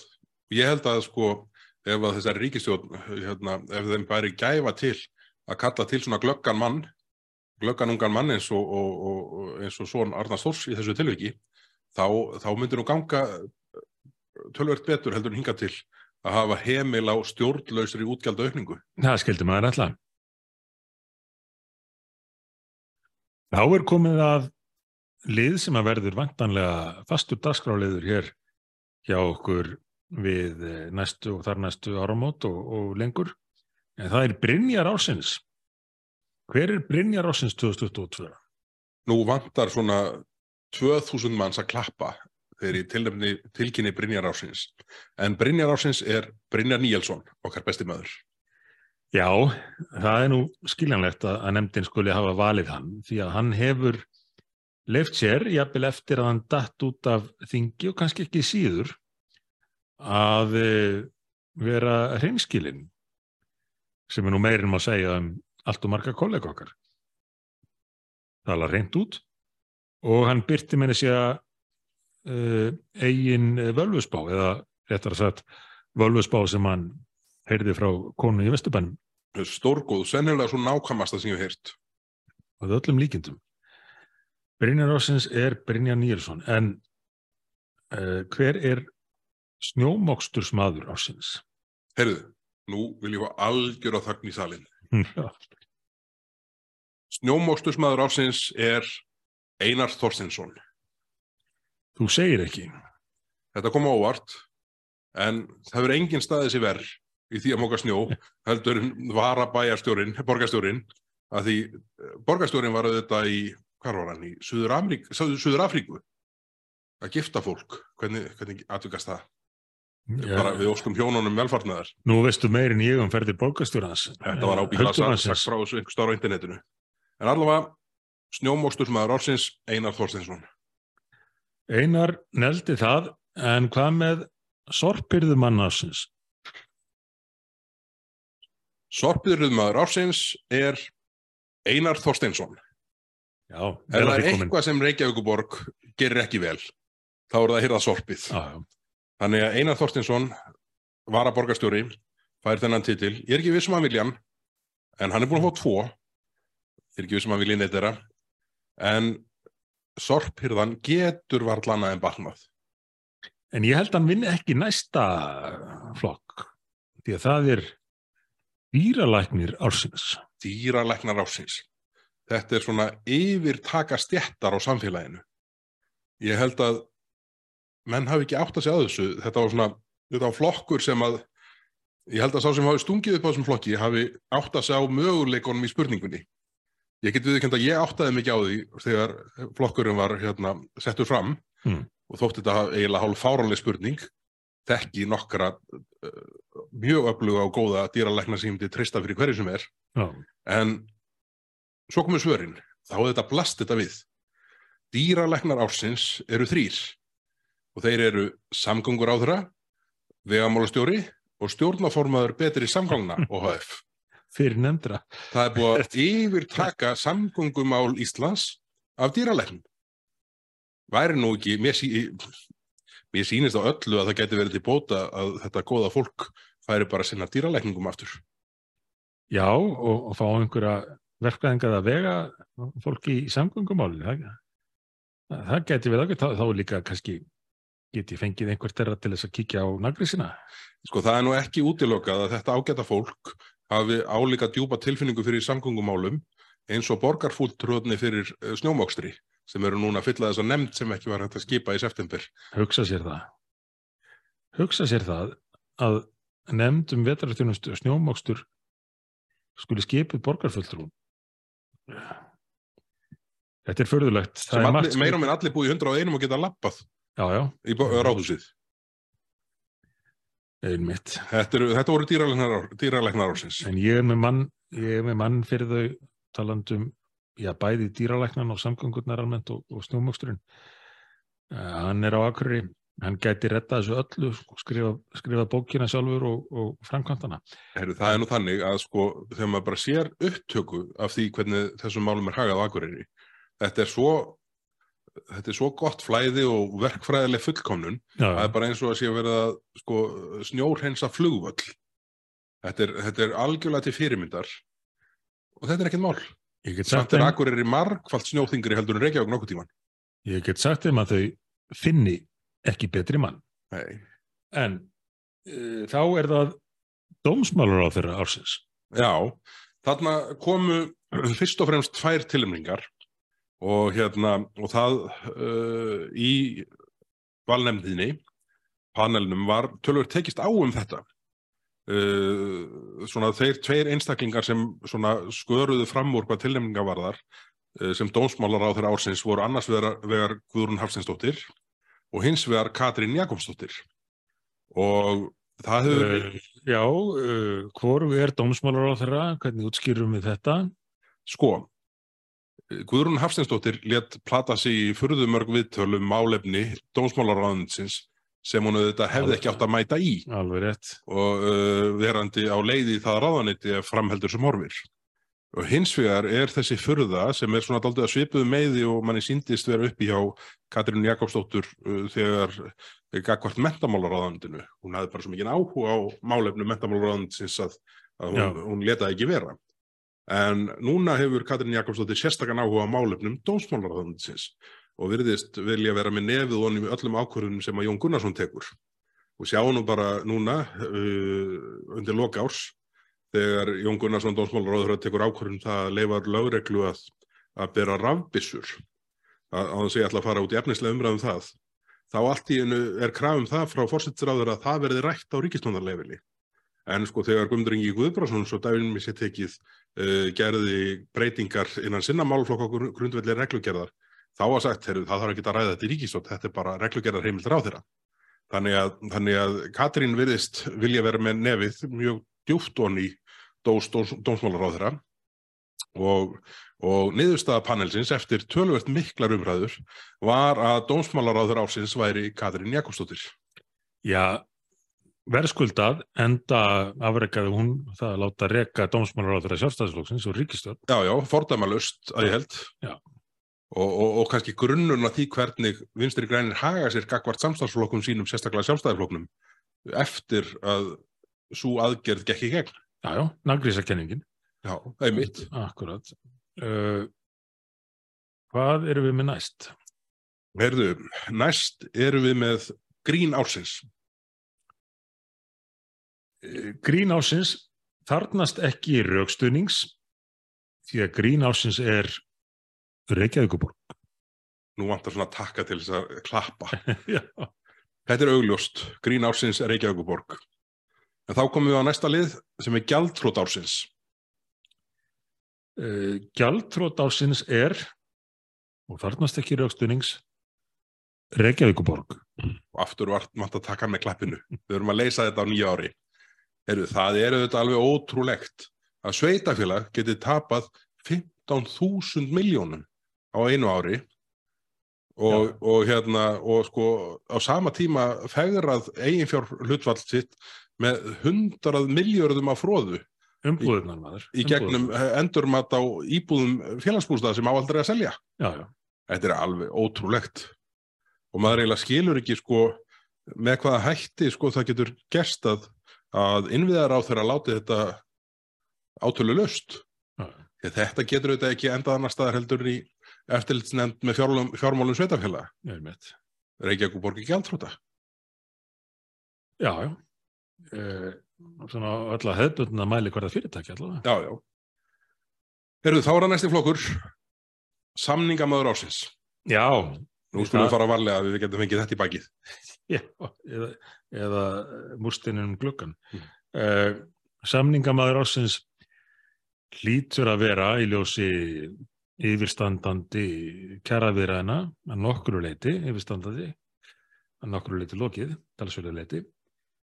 Solveigana Jónsdóttir, uh, formaður eflingar, Já, fyrir það að, uh, hún sé ekki fyrst og fremst út af sakramentinu jú, jú, sko, náði meira að segja að eða stökk út af því. það er kannski betra orðalag, hún hefði stokkið út af því, því að hún hafði þó náð að mynda einhvers konar bandalag með mönnum sem að hún uh, vildi svo ekki vera í samfloti með heldur má kannski segja hafi komið svona aðeins aftana með því að já, hún var sökuð um að, um að leka upplýsingum úr samningagerð annara sem eru þetta sérstaklega óheilt. Eh, já, setti sig fyrir vikið eins og er í mjög erfiða samningsstöðu þegar að öðrum hafi tekist að klára samninga og enn sér ekki fyrir endan á þessu. Nei, maður Eh. hefur mestan, mestar ágjör af því að hún sé að gera umbjóndu sínum óleik og það mikinn með, með hvað hætti uh, hefur verið haldið á málum hjá eflingu.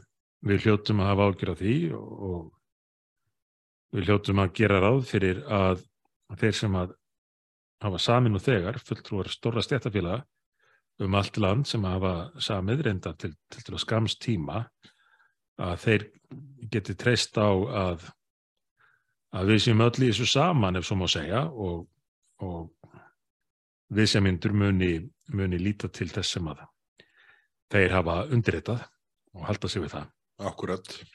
sem að setja samningamann ásins í doldið sérstakka stöðu. Þetta var samningamæður ásins, Solveig Anna Jónsdóttir. Þá kemur að næsta flokki, Villi ásins. Vili ársins uh, sem er, er velunaflokkur sem er skildur uh, Brynjar ársins uh, þó ekki endilega hvað niðurstunum var það og þó og þó það er eitt og annað sammeilegt því að Vili ársins er engin annar en Viljónur Birgisson, verkalýsleituði Já, það er velvalið. Þetta er, hann var fyrstur til þess að loka samningum við SA Já. fyrir hönd starfskremna sambandsins sem leggjaði þetta línutna fyrir það sem eftir kemur. Mér þótti rökstunningur Viljáns Birgissonar býstna góður þegar ég heyrði viðtal við hann Já. þegar hann lísti þeim mikla, mikla árangri sem hann hafði náð fyrir hönd félagsmanna sinna og um, svona mér hefur nú þótt býstna, með svona býstna ósangjörnum hætti vegið að honum af sérstaklega uh, samningamanni ársins sem var tilkynntur hér á undan Solveig Önnu uh, því að mér sýnst á öllu að Vilhjálmur hafi náð afbræðskoðum samningum fyrir sína félagsmenn. enda samþyktur félagsmennans þetta með yfirknæfandi meiruluta. Já, já. Og sem kemur í ljós síðan sko í samningum var ekki vaffer og uh, star, samtök yðngreina saman Já, í samflóti og þar sem sagt uh, svona mælir held ég Ragnar ekki sérstaklega með samningunum. Nei, nei, þeir fá afgerandi góða kostningu já, já, ég held að það hafi verið á grundvelli þess sem Bir- Birgisson gerði á undan. Já. Uh, þeir sem kusu vissu að þetta væru sambærilegi samningar og feldu sig vel við þá. Vili ársins, Viljónur Birgisson. Vili ársins, Vilhjálmur Birgisson til hamngi með það Vili Heyrðu, þá komum við að fastegna þróunafélagi ársins Erði, já, hér, hér var smá umræða í nefndinni, í domnefndinni uh, og, og sterk rök færið fyrir, fyrir tveimur uh, fulltrúum, þó að fleiri hafi verið nefndir. En þeir sem að upp úr stóðu voru landsbankin annars vegar og svo þeir sem ég nefni hér á eftir. Því að landsbankin er búin að vera að byggja á dýrustu lóð uh, landsins uh, gríðarlega stórt uh, grátt hús, nýjar höfustöðar á sama tíma og bankar um allan heim er að draga saman seglinn og, og, og umsvif og, færa sig meira á neti og slið, þá, þá er ríkisbankin að, að, byggja stærsta bankahús landsins. En svo ætla ríkið að koma og, og ef ekki leia þá kaupa uh, talsuna hluta húsins undir ráðinæti. Já, já, Þannig að báknið getur nú sapnast allt saman hana við höfnina í Reykjavík.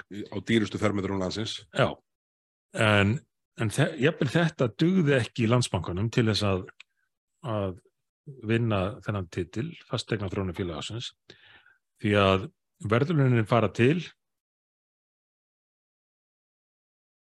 betri samgangna OHF Nei, fá þau tvennverlun í kvöld. fyrir keldnalandstílin. Sem er ótrúlegur, sko. Sjaldan hafa jafn fáir fengið jafn mikið fyrir lítið. Það má með sanni segja, ég tala nú ekki um ef að, ef að kenningin sem að þú vísar í eftir kunnáttum mönnum reyn- reynist rétt sem að ég hef reynda fulla trú á hún sé, ég er búin að vera að skoða þetta sjálfur líka, að, að þetta sé, þetta sé svona mix, bix, fix til þess að uh, land sem að er umtalsvert verðmætara heldur en uh, bækurnar sína gangi til þessa félags. Já, já. Það, það er það sem blasir við og þetta, hérna, það að það sé búið að búa til einhvern batteri sem heitir betri samgöngur OHF, að það sé orðið einhvern stæðsta fastegna þróunafélag landsins, það er auðvitað eitthvað brjálæði í því. Já. Hvernig, hvernig láta með þetta gerast? Á næsta ári þurfum við að hafa sérstakann lið OHF ársins. Því þetta er náttúrulega algjörlega sko, farður böndunum með þessi. OHF væri. Og þetta er allt svona einhver svona, einhver svona lokuð box Já, sem að sko uh, eftirlits aðilinn hönd litlu fyrstadæmin. litlu fyrsta dæmin sko.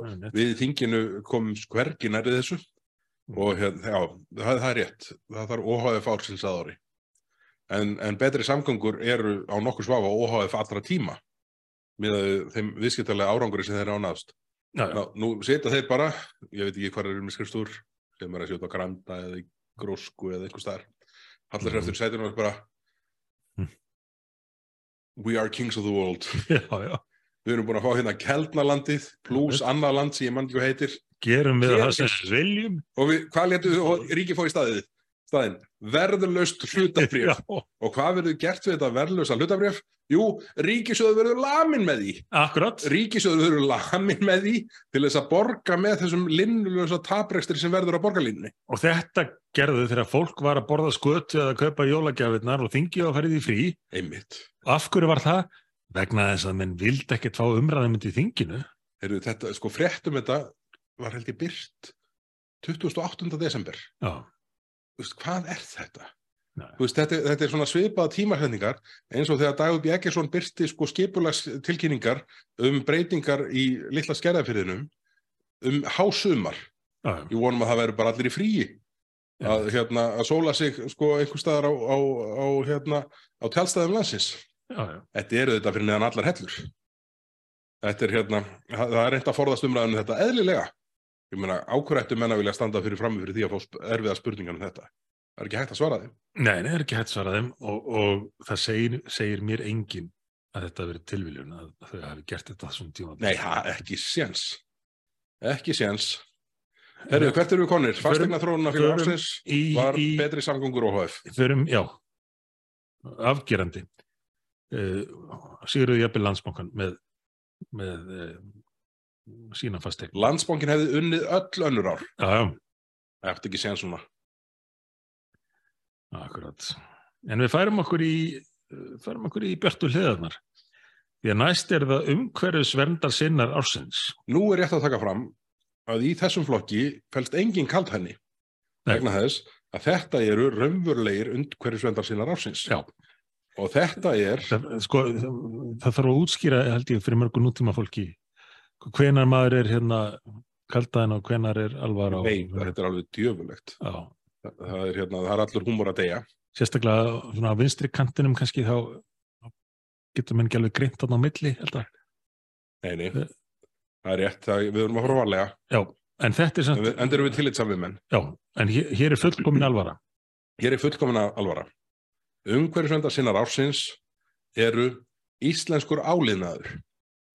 Og í þessu samhengi vil ég bara nefna að Norðurál upp á grundatanga mm, hlaut núna undir lokársins umhverjusverlun atvinnlýfsins 2022 Já. og þetta er það ál í heiminum sem er með hvað, hvað legst kólefnisból. Ja.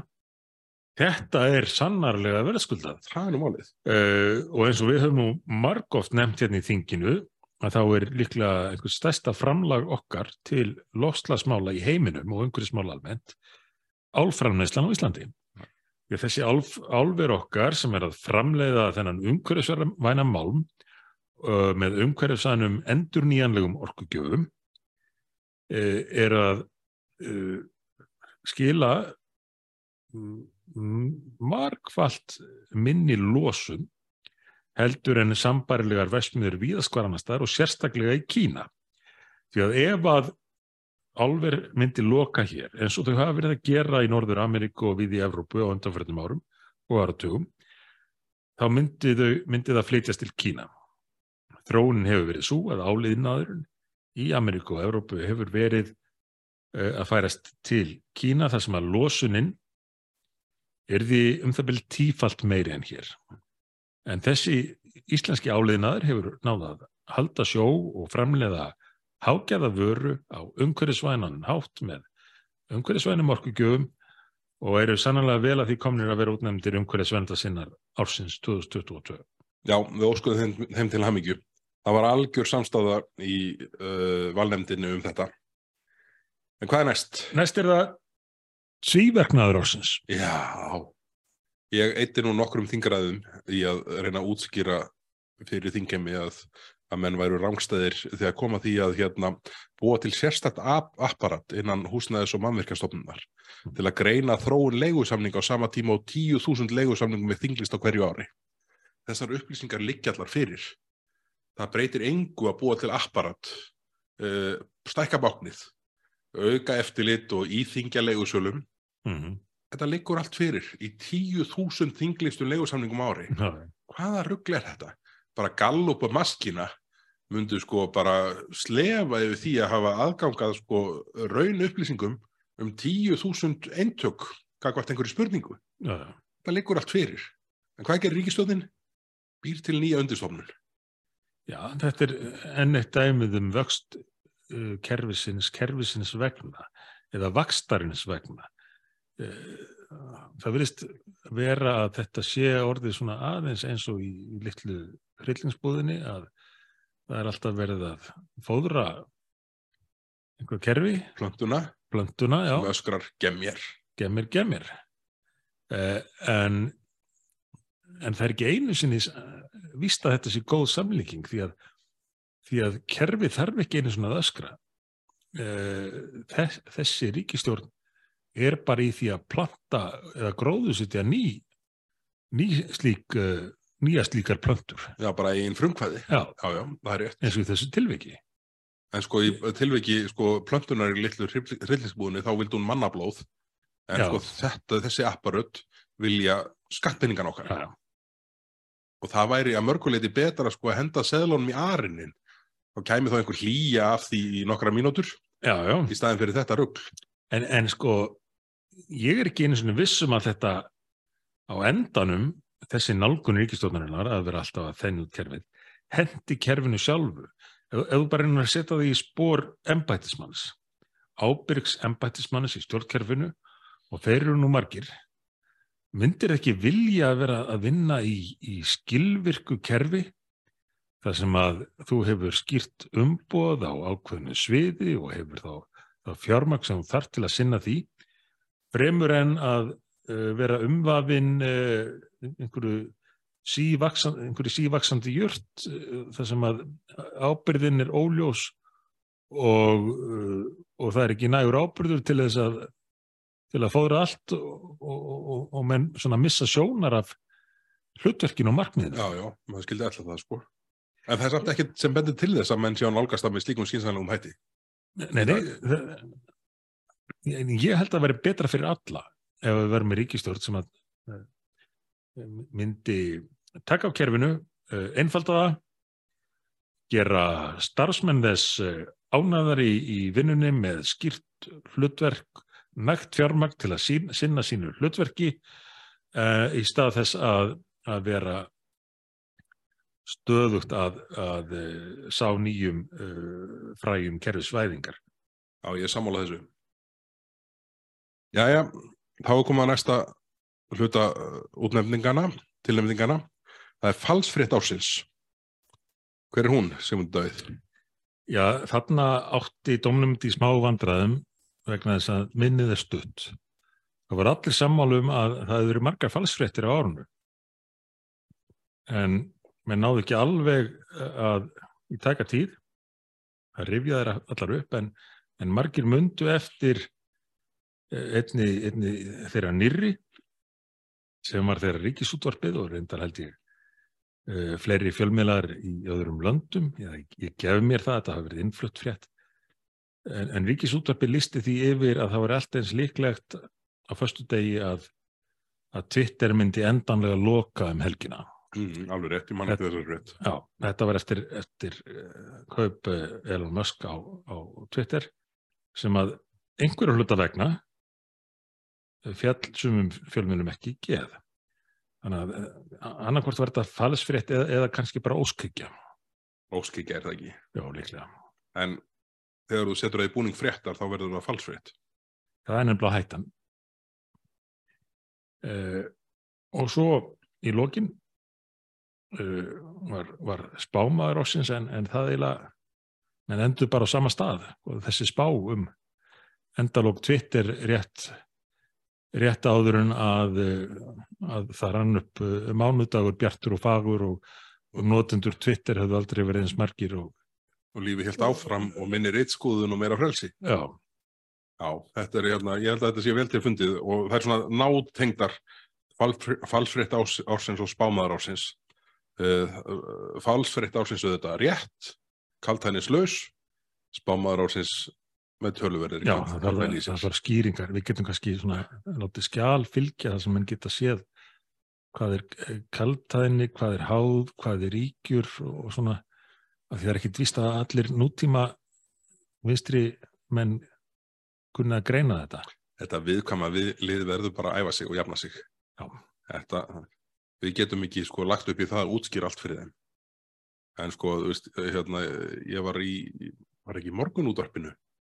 Nei, það var í vikulókanum á rás 1 fyrir uh, svona rúmum mánuði síðan. Þá, uh, hérna, þá náðum við nú bísna vel saman um það.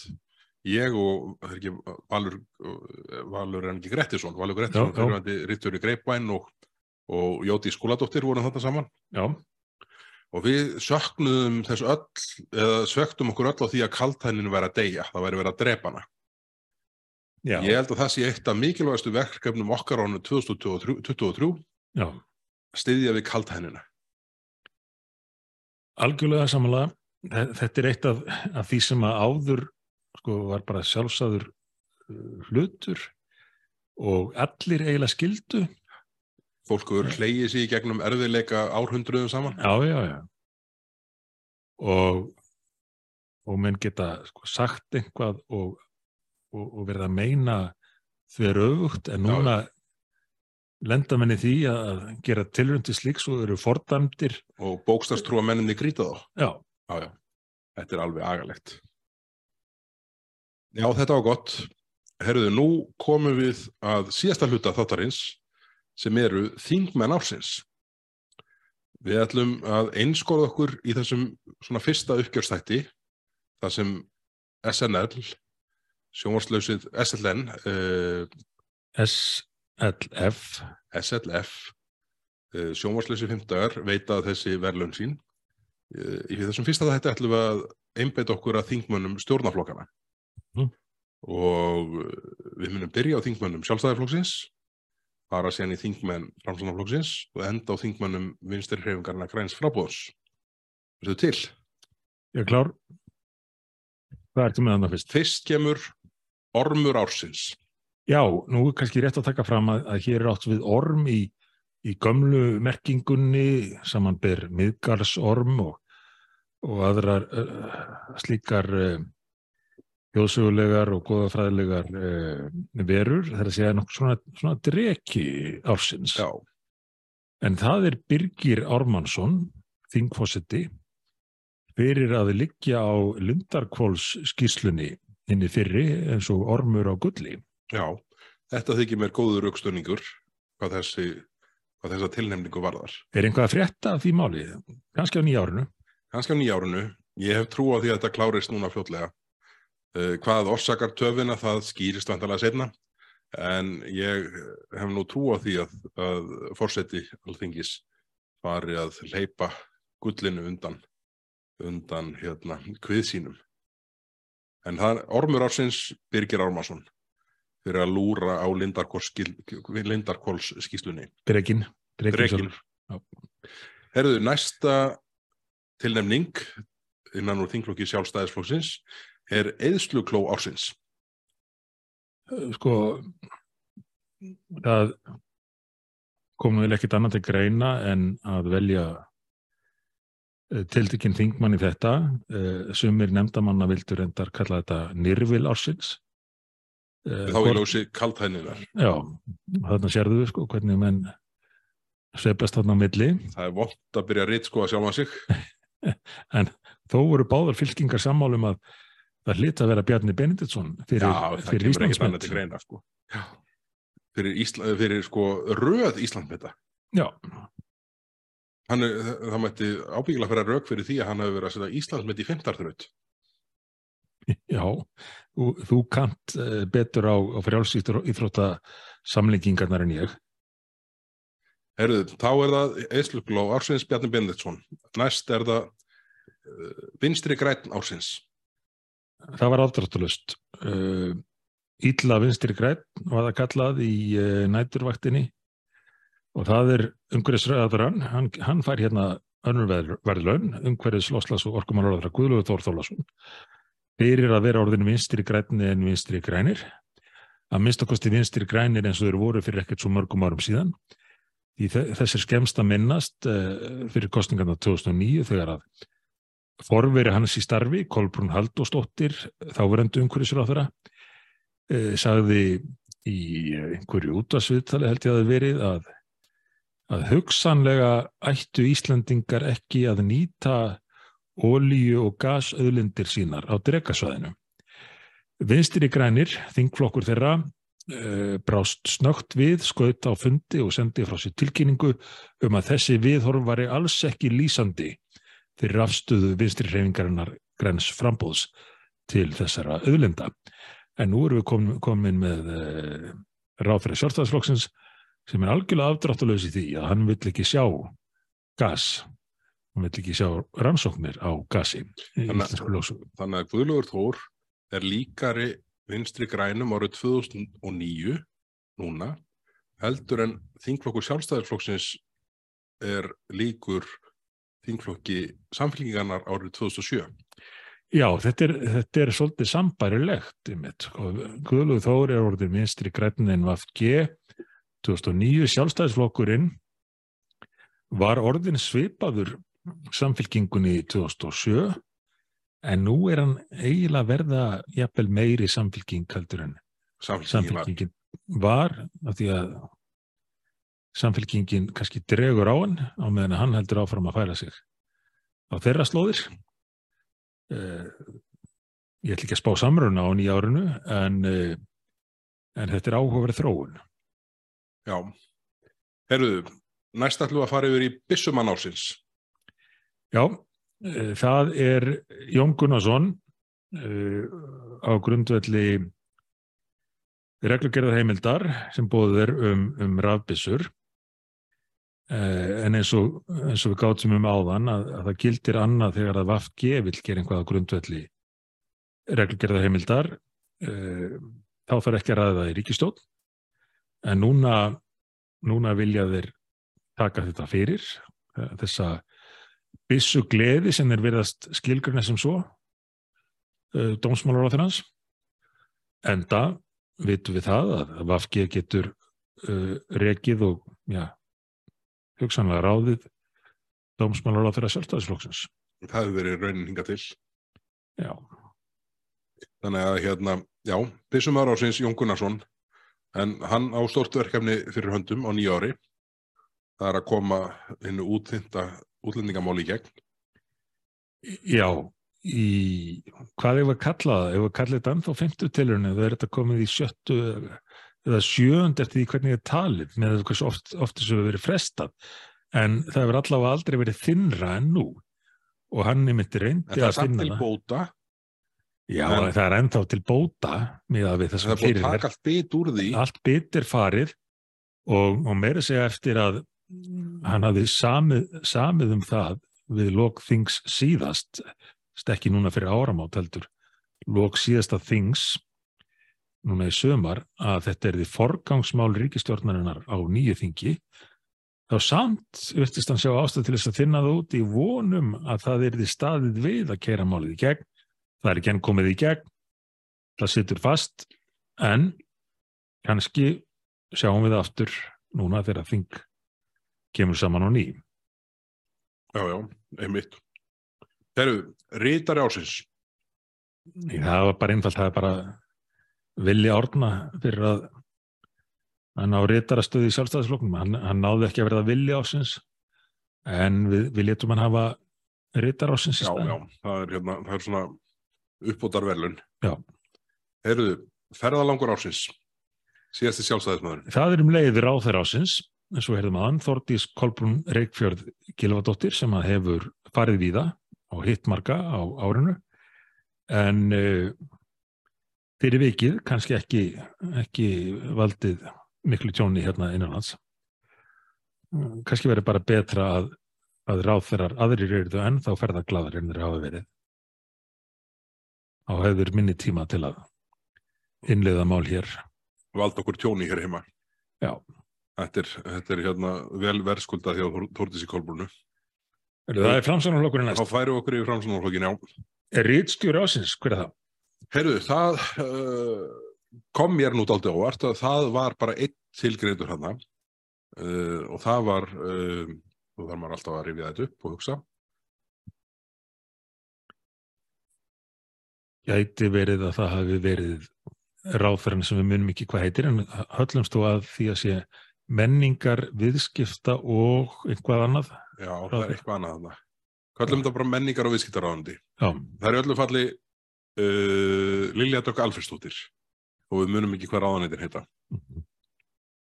Þarna er búið að setja undir járnhæl ráðherra meir og minna alla fjölmiðla á Íslandi sem ritstjórn. Uh, þetta hefur verið einhverjum hundruðum miljóna útdelt þarna og grundvelli, reg, grundvelli regna sem eru sam, samdar í ráðanættinu. Alþingi kemur ekkert að þeim. býtu átti þetta ekki verið til bráðabyrða í eitt ár. Jú, það átti Ég man að eftir að það var einhver Óla Byrni tala um það að hann myndi samþykja þetta í eitt skipti. Já, já, já, það hérna, uh, það kemur nú kannski í næsta flokki, fyrir við aðeins inn á það, en þetta er, virðist vera orðið svona varanlegt eins og, eins og flestu öll útgjöld uh, ríkistofnarinnar uh, sem eiga að vera tímabundin í staðin fyrir að einfalda regluverk og, og, og gera rekstrarskilir þessara fjölmjöla betri með almennum hætti. En þannig, nú er komið ráðherra sem útdelir þessum styrkjum til, til uh, fjölmjöla og það vakti aðtegli fyrra að sá fjölmiðil sem framleiðir hvað mest íslenskt efni útvarp saga fekk ekki krónu Já, já. Og mann svona grunar nú að það sé einhver slags refsiföndur þarna á lofti vegna þess að uh, útvarp saga hafi verið gaggrinn á störfur á þeirra og það er að borga fyrir það með því að fá engar engan hlut af þessum, þessum sjóði. En sko þetta tengir inn í uh, næsta uh, verðlunarflokk sem að heyri nú ekki beint undir framsóknarflokkin og, og kannski engan uh, tiltekinn flokk en ég ætla að skjóta því hérna inn og það eru Don Quixote ársins. Já, hann er mikið að góðum mönnum. mönnum. Hverjir eru það að mati domnefndar? Eru Donki Kótar ásins eru vindmilu slagsmálamennir Þingflokkum miðflokksins og Óli Björn Kárásson. Og það er vegna slags þessara tveggja, ég ætla að segja hópa, Óli Björn verðskuld að það vera kallaður hópur, en hann er alltaf fulltrúi hóps. En uh, Þingflokkum miðflokksins og Óli Björn Kárásson, samanlagt þrýr, hafa verið í þeim slag árum saman að draga úr yfirbyrðastuðu ríkisútvarsins á fjölmjölamarkaði og þeirra neikvæðu áhrifa sem að, sem að uh, ríkisútvarpið hefur á fjölmjölamarkaðin. Við höfum lagt ítreka fram uh, tillögur á þingi er varða það að að draga úr, úr fjárstreyminu til ríkisútvarsins, gera fólki kleift að ráðstafa því á skattskíslu hvert útvarskjaldi fer, til hvað fjölmiðils.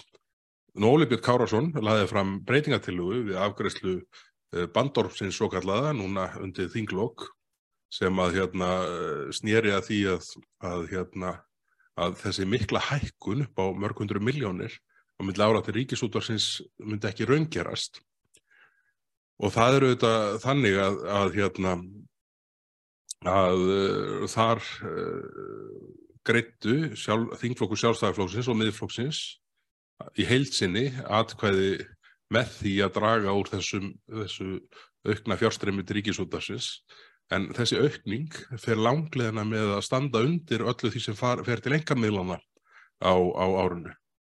Já, jafnast á við það. Já. Þannig að vindmil, en, slagsmenn ársins eru þingmenn miðflóksins uh, og Óli Björn Karlsson. Já, en sjáðu nú til með Óla Björn. Hann, hann leggur þetta fram og flestir þingmenn sjálfstæðisflokksins og við, tveir, og, og þingmenn flokks, flokksins, ef ég mann rétt stiðja tiluguna en, en þetta er samt sko ákveðin niðurlæging fyrir uh, þingflokksformann stærsta stjórnarflokksins að flokkurinn hans skul ekki hafa haft fyrir því að fá stjórnina til að styðja tillugu þingflokksformanns sjálfstæðisflokksins og, og leifið þeim þessi stað að greiða atkvæði gegn. Heru, það er bara þannig að allir þingmenn framsmáflokksins og vafki greitu atkvæði gegn þessari tillugu Björns. Og allir þingmenn minnstri hrefingarna græns framflóks. Var, var þetta bara einhvað til að, að sínast því að þetta er nú óvanalegt að, að stjórn klopni með þessum hætti nema að það sé skipalagt. En við gefum uh, Óla Bitni þessi uh, verðlaun uh, fyrir uh, vikið að hann allavega hann laði fram þessa tillu og það maður kannski í þessu samhengi nefna það að þegar að farið var yfir viðtölu ríkisútásins við stjórnmálamenn á þingi frá síðustu kostningum þá voru nokkur sem komu hlutvalslega langverst út. Uh, það er að segja ríkisútvarpið hafi talað hvað minnst við, það voru þingmenn miðflokksins og, og þingflokksform var sjálfstæðisflokksins Óli Björn Kárásson Refsing. Refsivöndurinn, hann er á lofti gestaliðinu Herðu, þetta voru Don Quixote ásins við erum þann titil með stolti. Hér er eh, liður sem heitir útfararstjóri ásins Já, þá voru farin aftur í þingflokk framsvonarflokksins þetta voru út úr dúr Herðu, útfararstjóri ásins þetta er nú svona létt grín ég ímyndaði með hjá valnemdini því að Líni Gorður Sæfarsdóttir var það á í fórsetastóli að tilkynna að þingmaður veri fallin frá. Uh, þegar, þegar þingmaður fjall frá orðinu en, hérna, en sem betur fyrir orð viðkomandi ekki fallin frá, það hefur verið leiðilegt að þurfa við að bera einhvern út úr þingsalunum Já, sögurnar af fráfalli hans voru íktar Það voru íktar, mjög. En síðan er það næsta. Það er gæltemtum aður ásins Já, það, við erum aðeins komið inn á þetta hérna fyrir, fyrir í þættinum. Það er Sigur Ringi Jóhansson sem nú ætlar einlega að þrefalda við bótar gjaldheimtu sem snýrað gjaldheimtu í öllum jargungum landsins og öllum samfunnumverkefnum og síðan tafa bætur, tafa, tafa gjöld á höfðborgarsveðinu. Þetta eru þrenna, þrenna. þrenna. Uh, það hefur engin uh, gjaldheimtumadur komið fram með viðlíka hætti í langan tíma. En sem betur fyrir á að lækka aðrar álögur á vekkfærandur á móti, er það ekki? Eldsneiti, skjöld og þetta allt. En var það ekki? Nei, ég held að það er glemt í. Já, nei, það glemtist, já. Ég held að hérna, líkunar á því að gjöld, gjöld á umferð og akstur og hugotæki verði lækkuð séu engin, engar hjá þessar ríkisjóð. En hvað, hvað er næst? Hér er, hér er síðanemdar maður ásins, Sigur, það er sami maður. Sigur Ingi er bara sópað sér velun. Kom, við komum aðeins inn á þetta var það ekki með fósittisnefndina? Já, hér segir í, í niðurstöðu dómnefndar, síðanemdar maður ásins, Sigur Ingi Jóhansson, kom sér undan úttækt síðanemdar á rasískum umælum með því að lappa, lappa, lappa í burt. Já, hann er orðin svona... Eh, skröldlegir í, í, í lýsingum. Ja, ég, ég, ég held að þarna hefði síðan uh, hérna, uh, hérna panelin verið að vísa í áramöndarköpið Já, já, já, já. og, og, og sem vísaði í Já, já, það, það var eitthvað svona lag. Já, það var eitthvað lag þarna með hérna, sögu Garðarsdóttur vingunarðinni Einmitt, einmitt. og hérna á Sigurður Ingi uh, var fyrir barðinn á sögu í áramöndarköpinu Já, já. og hérna og það má alveg færa rauk fyrir því hann á átt að skilið Uh, listamaður ásins, nei, byttu, byðlistamaður Já, ásins. byggðlist, það er alveg sitt hvort Já, listamaður ársins væri öruglega já, ég kann ekki við að segja það sem ég hugsa núna, en byggðlistamaður ársins hann var óumdeldur það var Viljum Þór Þórsson. Byggðlistar hafa aldrei verið lengri og enn er verið að senda fólk til útlanda. Á sama tíma og fólk kemur frá útlöndum í engaregnar stofur á Íslandi. Þeir einu sem græða eru Æslandir og Play. Þetta var sem niðurstaða domnendar Já, hann, í, raunum að segja hann þá þarna deili verðlaunum með, með heilbriðiskerfinu er það ekki, undir hans Jú, stjórn er dálítið sem þannig. fekk ringrásar verðlaunin. já, já, En það var samt eftir að útnefna ringrásar mann ársins. Þeir eru ringrásar maður ásins, hann var tilnefndur Þóraningi Pétursson sem einn stjórnarþingmanna hafði rænu á að samþykja ekki 100 miljónar reikning á bændur landsins. Hann greitti að vísu ekki atkvæði gegn málinu heldur satt hjá. Það er þó ótvirætt skárra en það sem hinir gerðu, segir í niðurstöðu domnendar.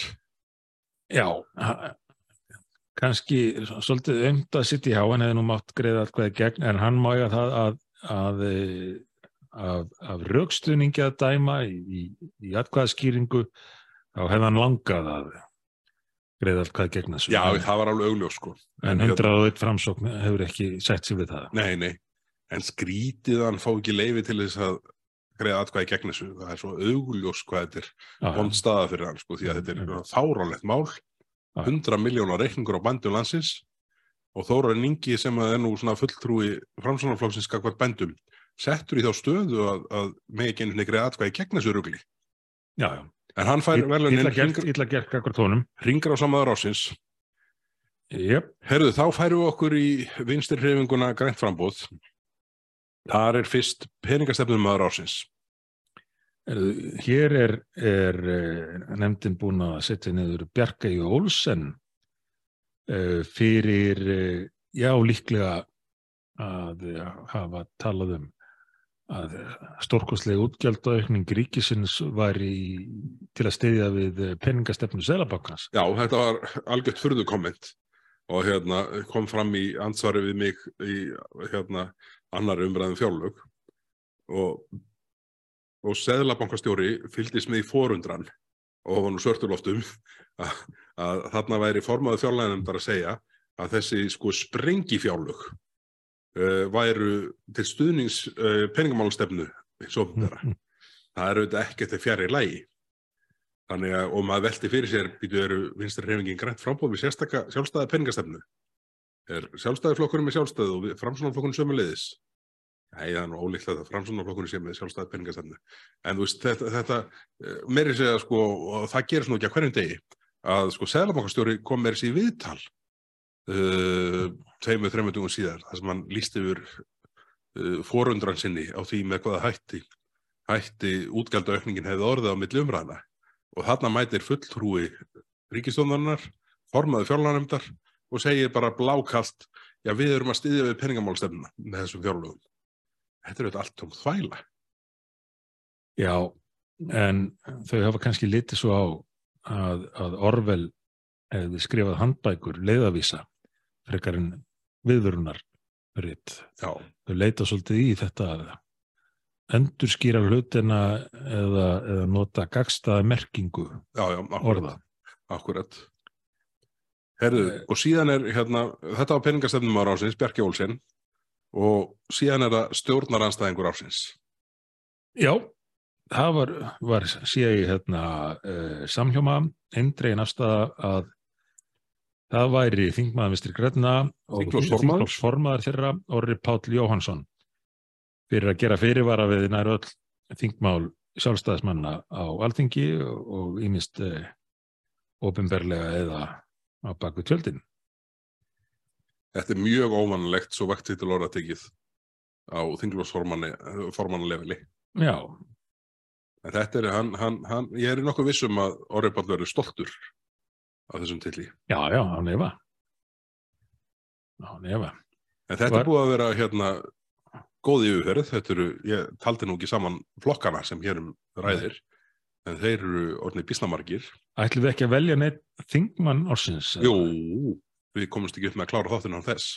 Sko, nefnd, ég sé hérna að nefndin, domnendin hefur ekki tekið það fyrir, hún hefur hugsanlega glemt því, en, en það, er ekki, ekki vandamann. Ég get útnefnt þingmann ásins. Þingmaður ásins 2022 er Bergþór Ólason. Nei, Já, já, nú er ég ósamlega. Er þú. Ég held að þingmaður ásins sé Sigmundur Davíð Gunnarsson. Nei, nei, nei ég, ég er búin að vera í þessum bransa lengi en þú komst inn með eh, miklu trukki á þessu ári uh, varst með uh, nokkur knockout uh, sem maður vísi nú í uh, íþróttirnar aftur og ef ég bara fer yfir þetta í huganum svona í fljótu bragði uh, þessar 63 þá, þá stendur það upp úr að Bergþór Ólason er þingmaður ásins 2022 Ég er til í að taka við þessu gegn lofurðum að þú verðið þingmaður ásins ári. Já, þá er ég að standa með maður. Já, já, það er kvatinn.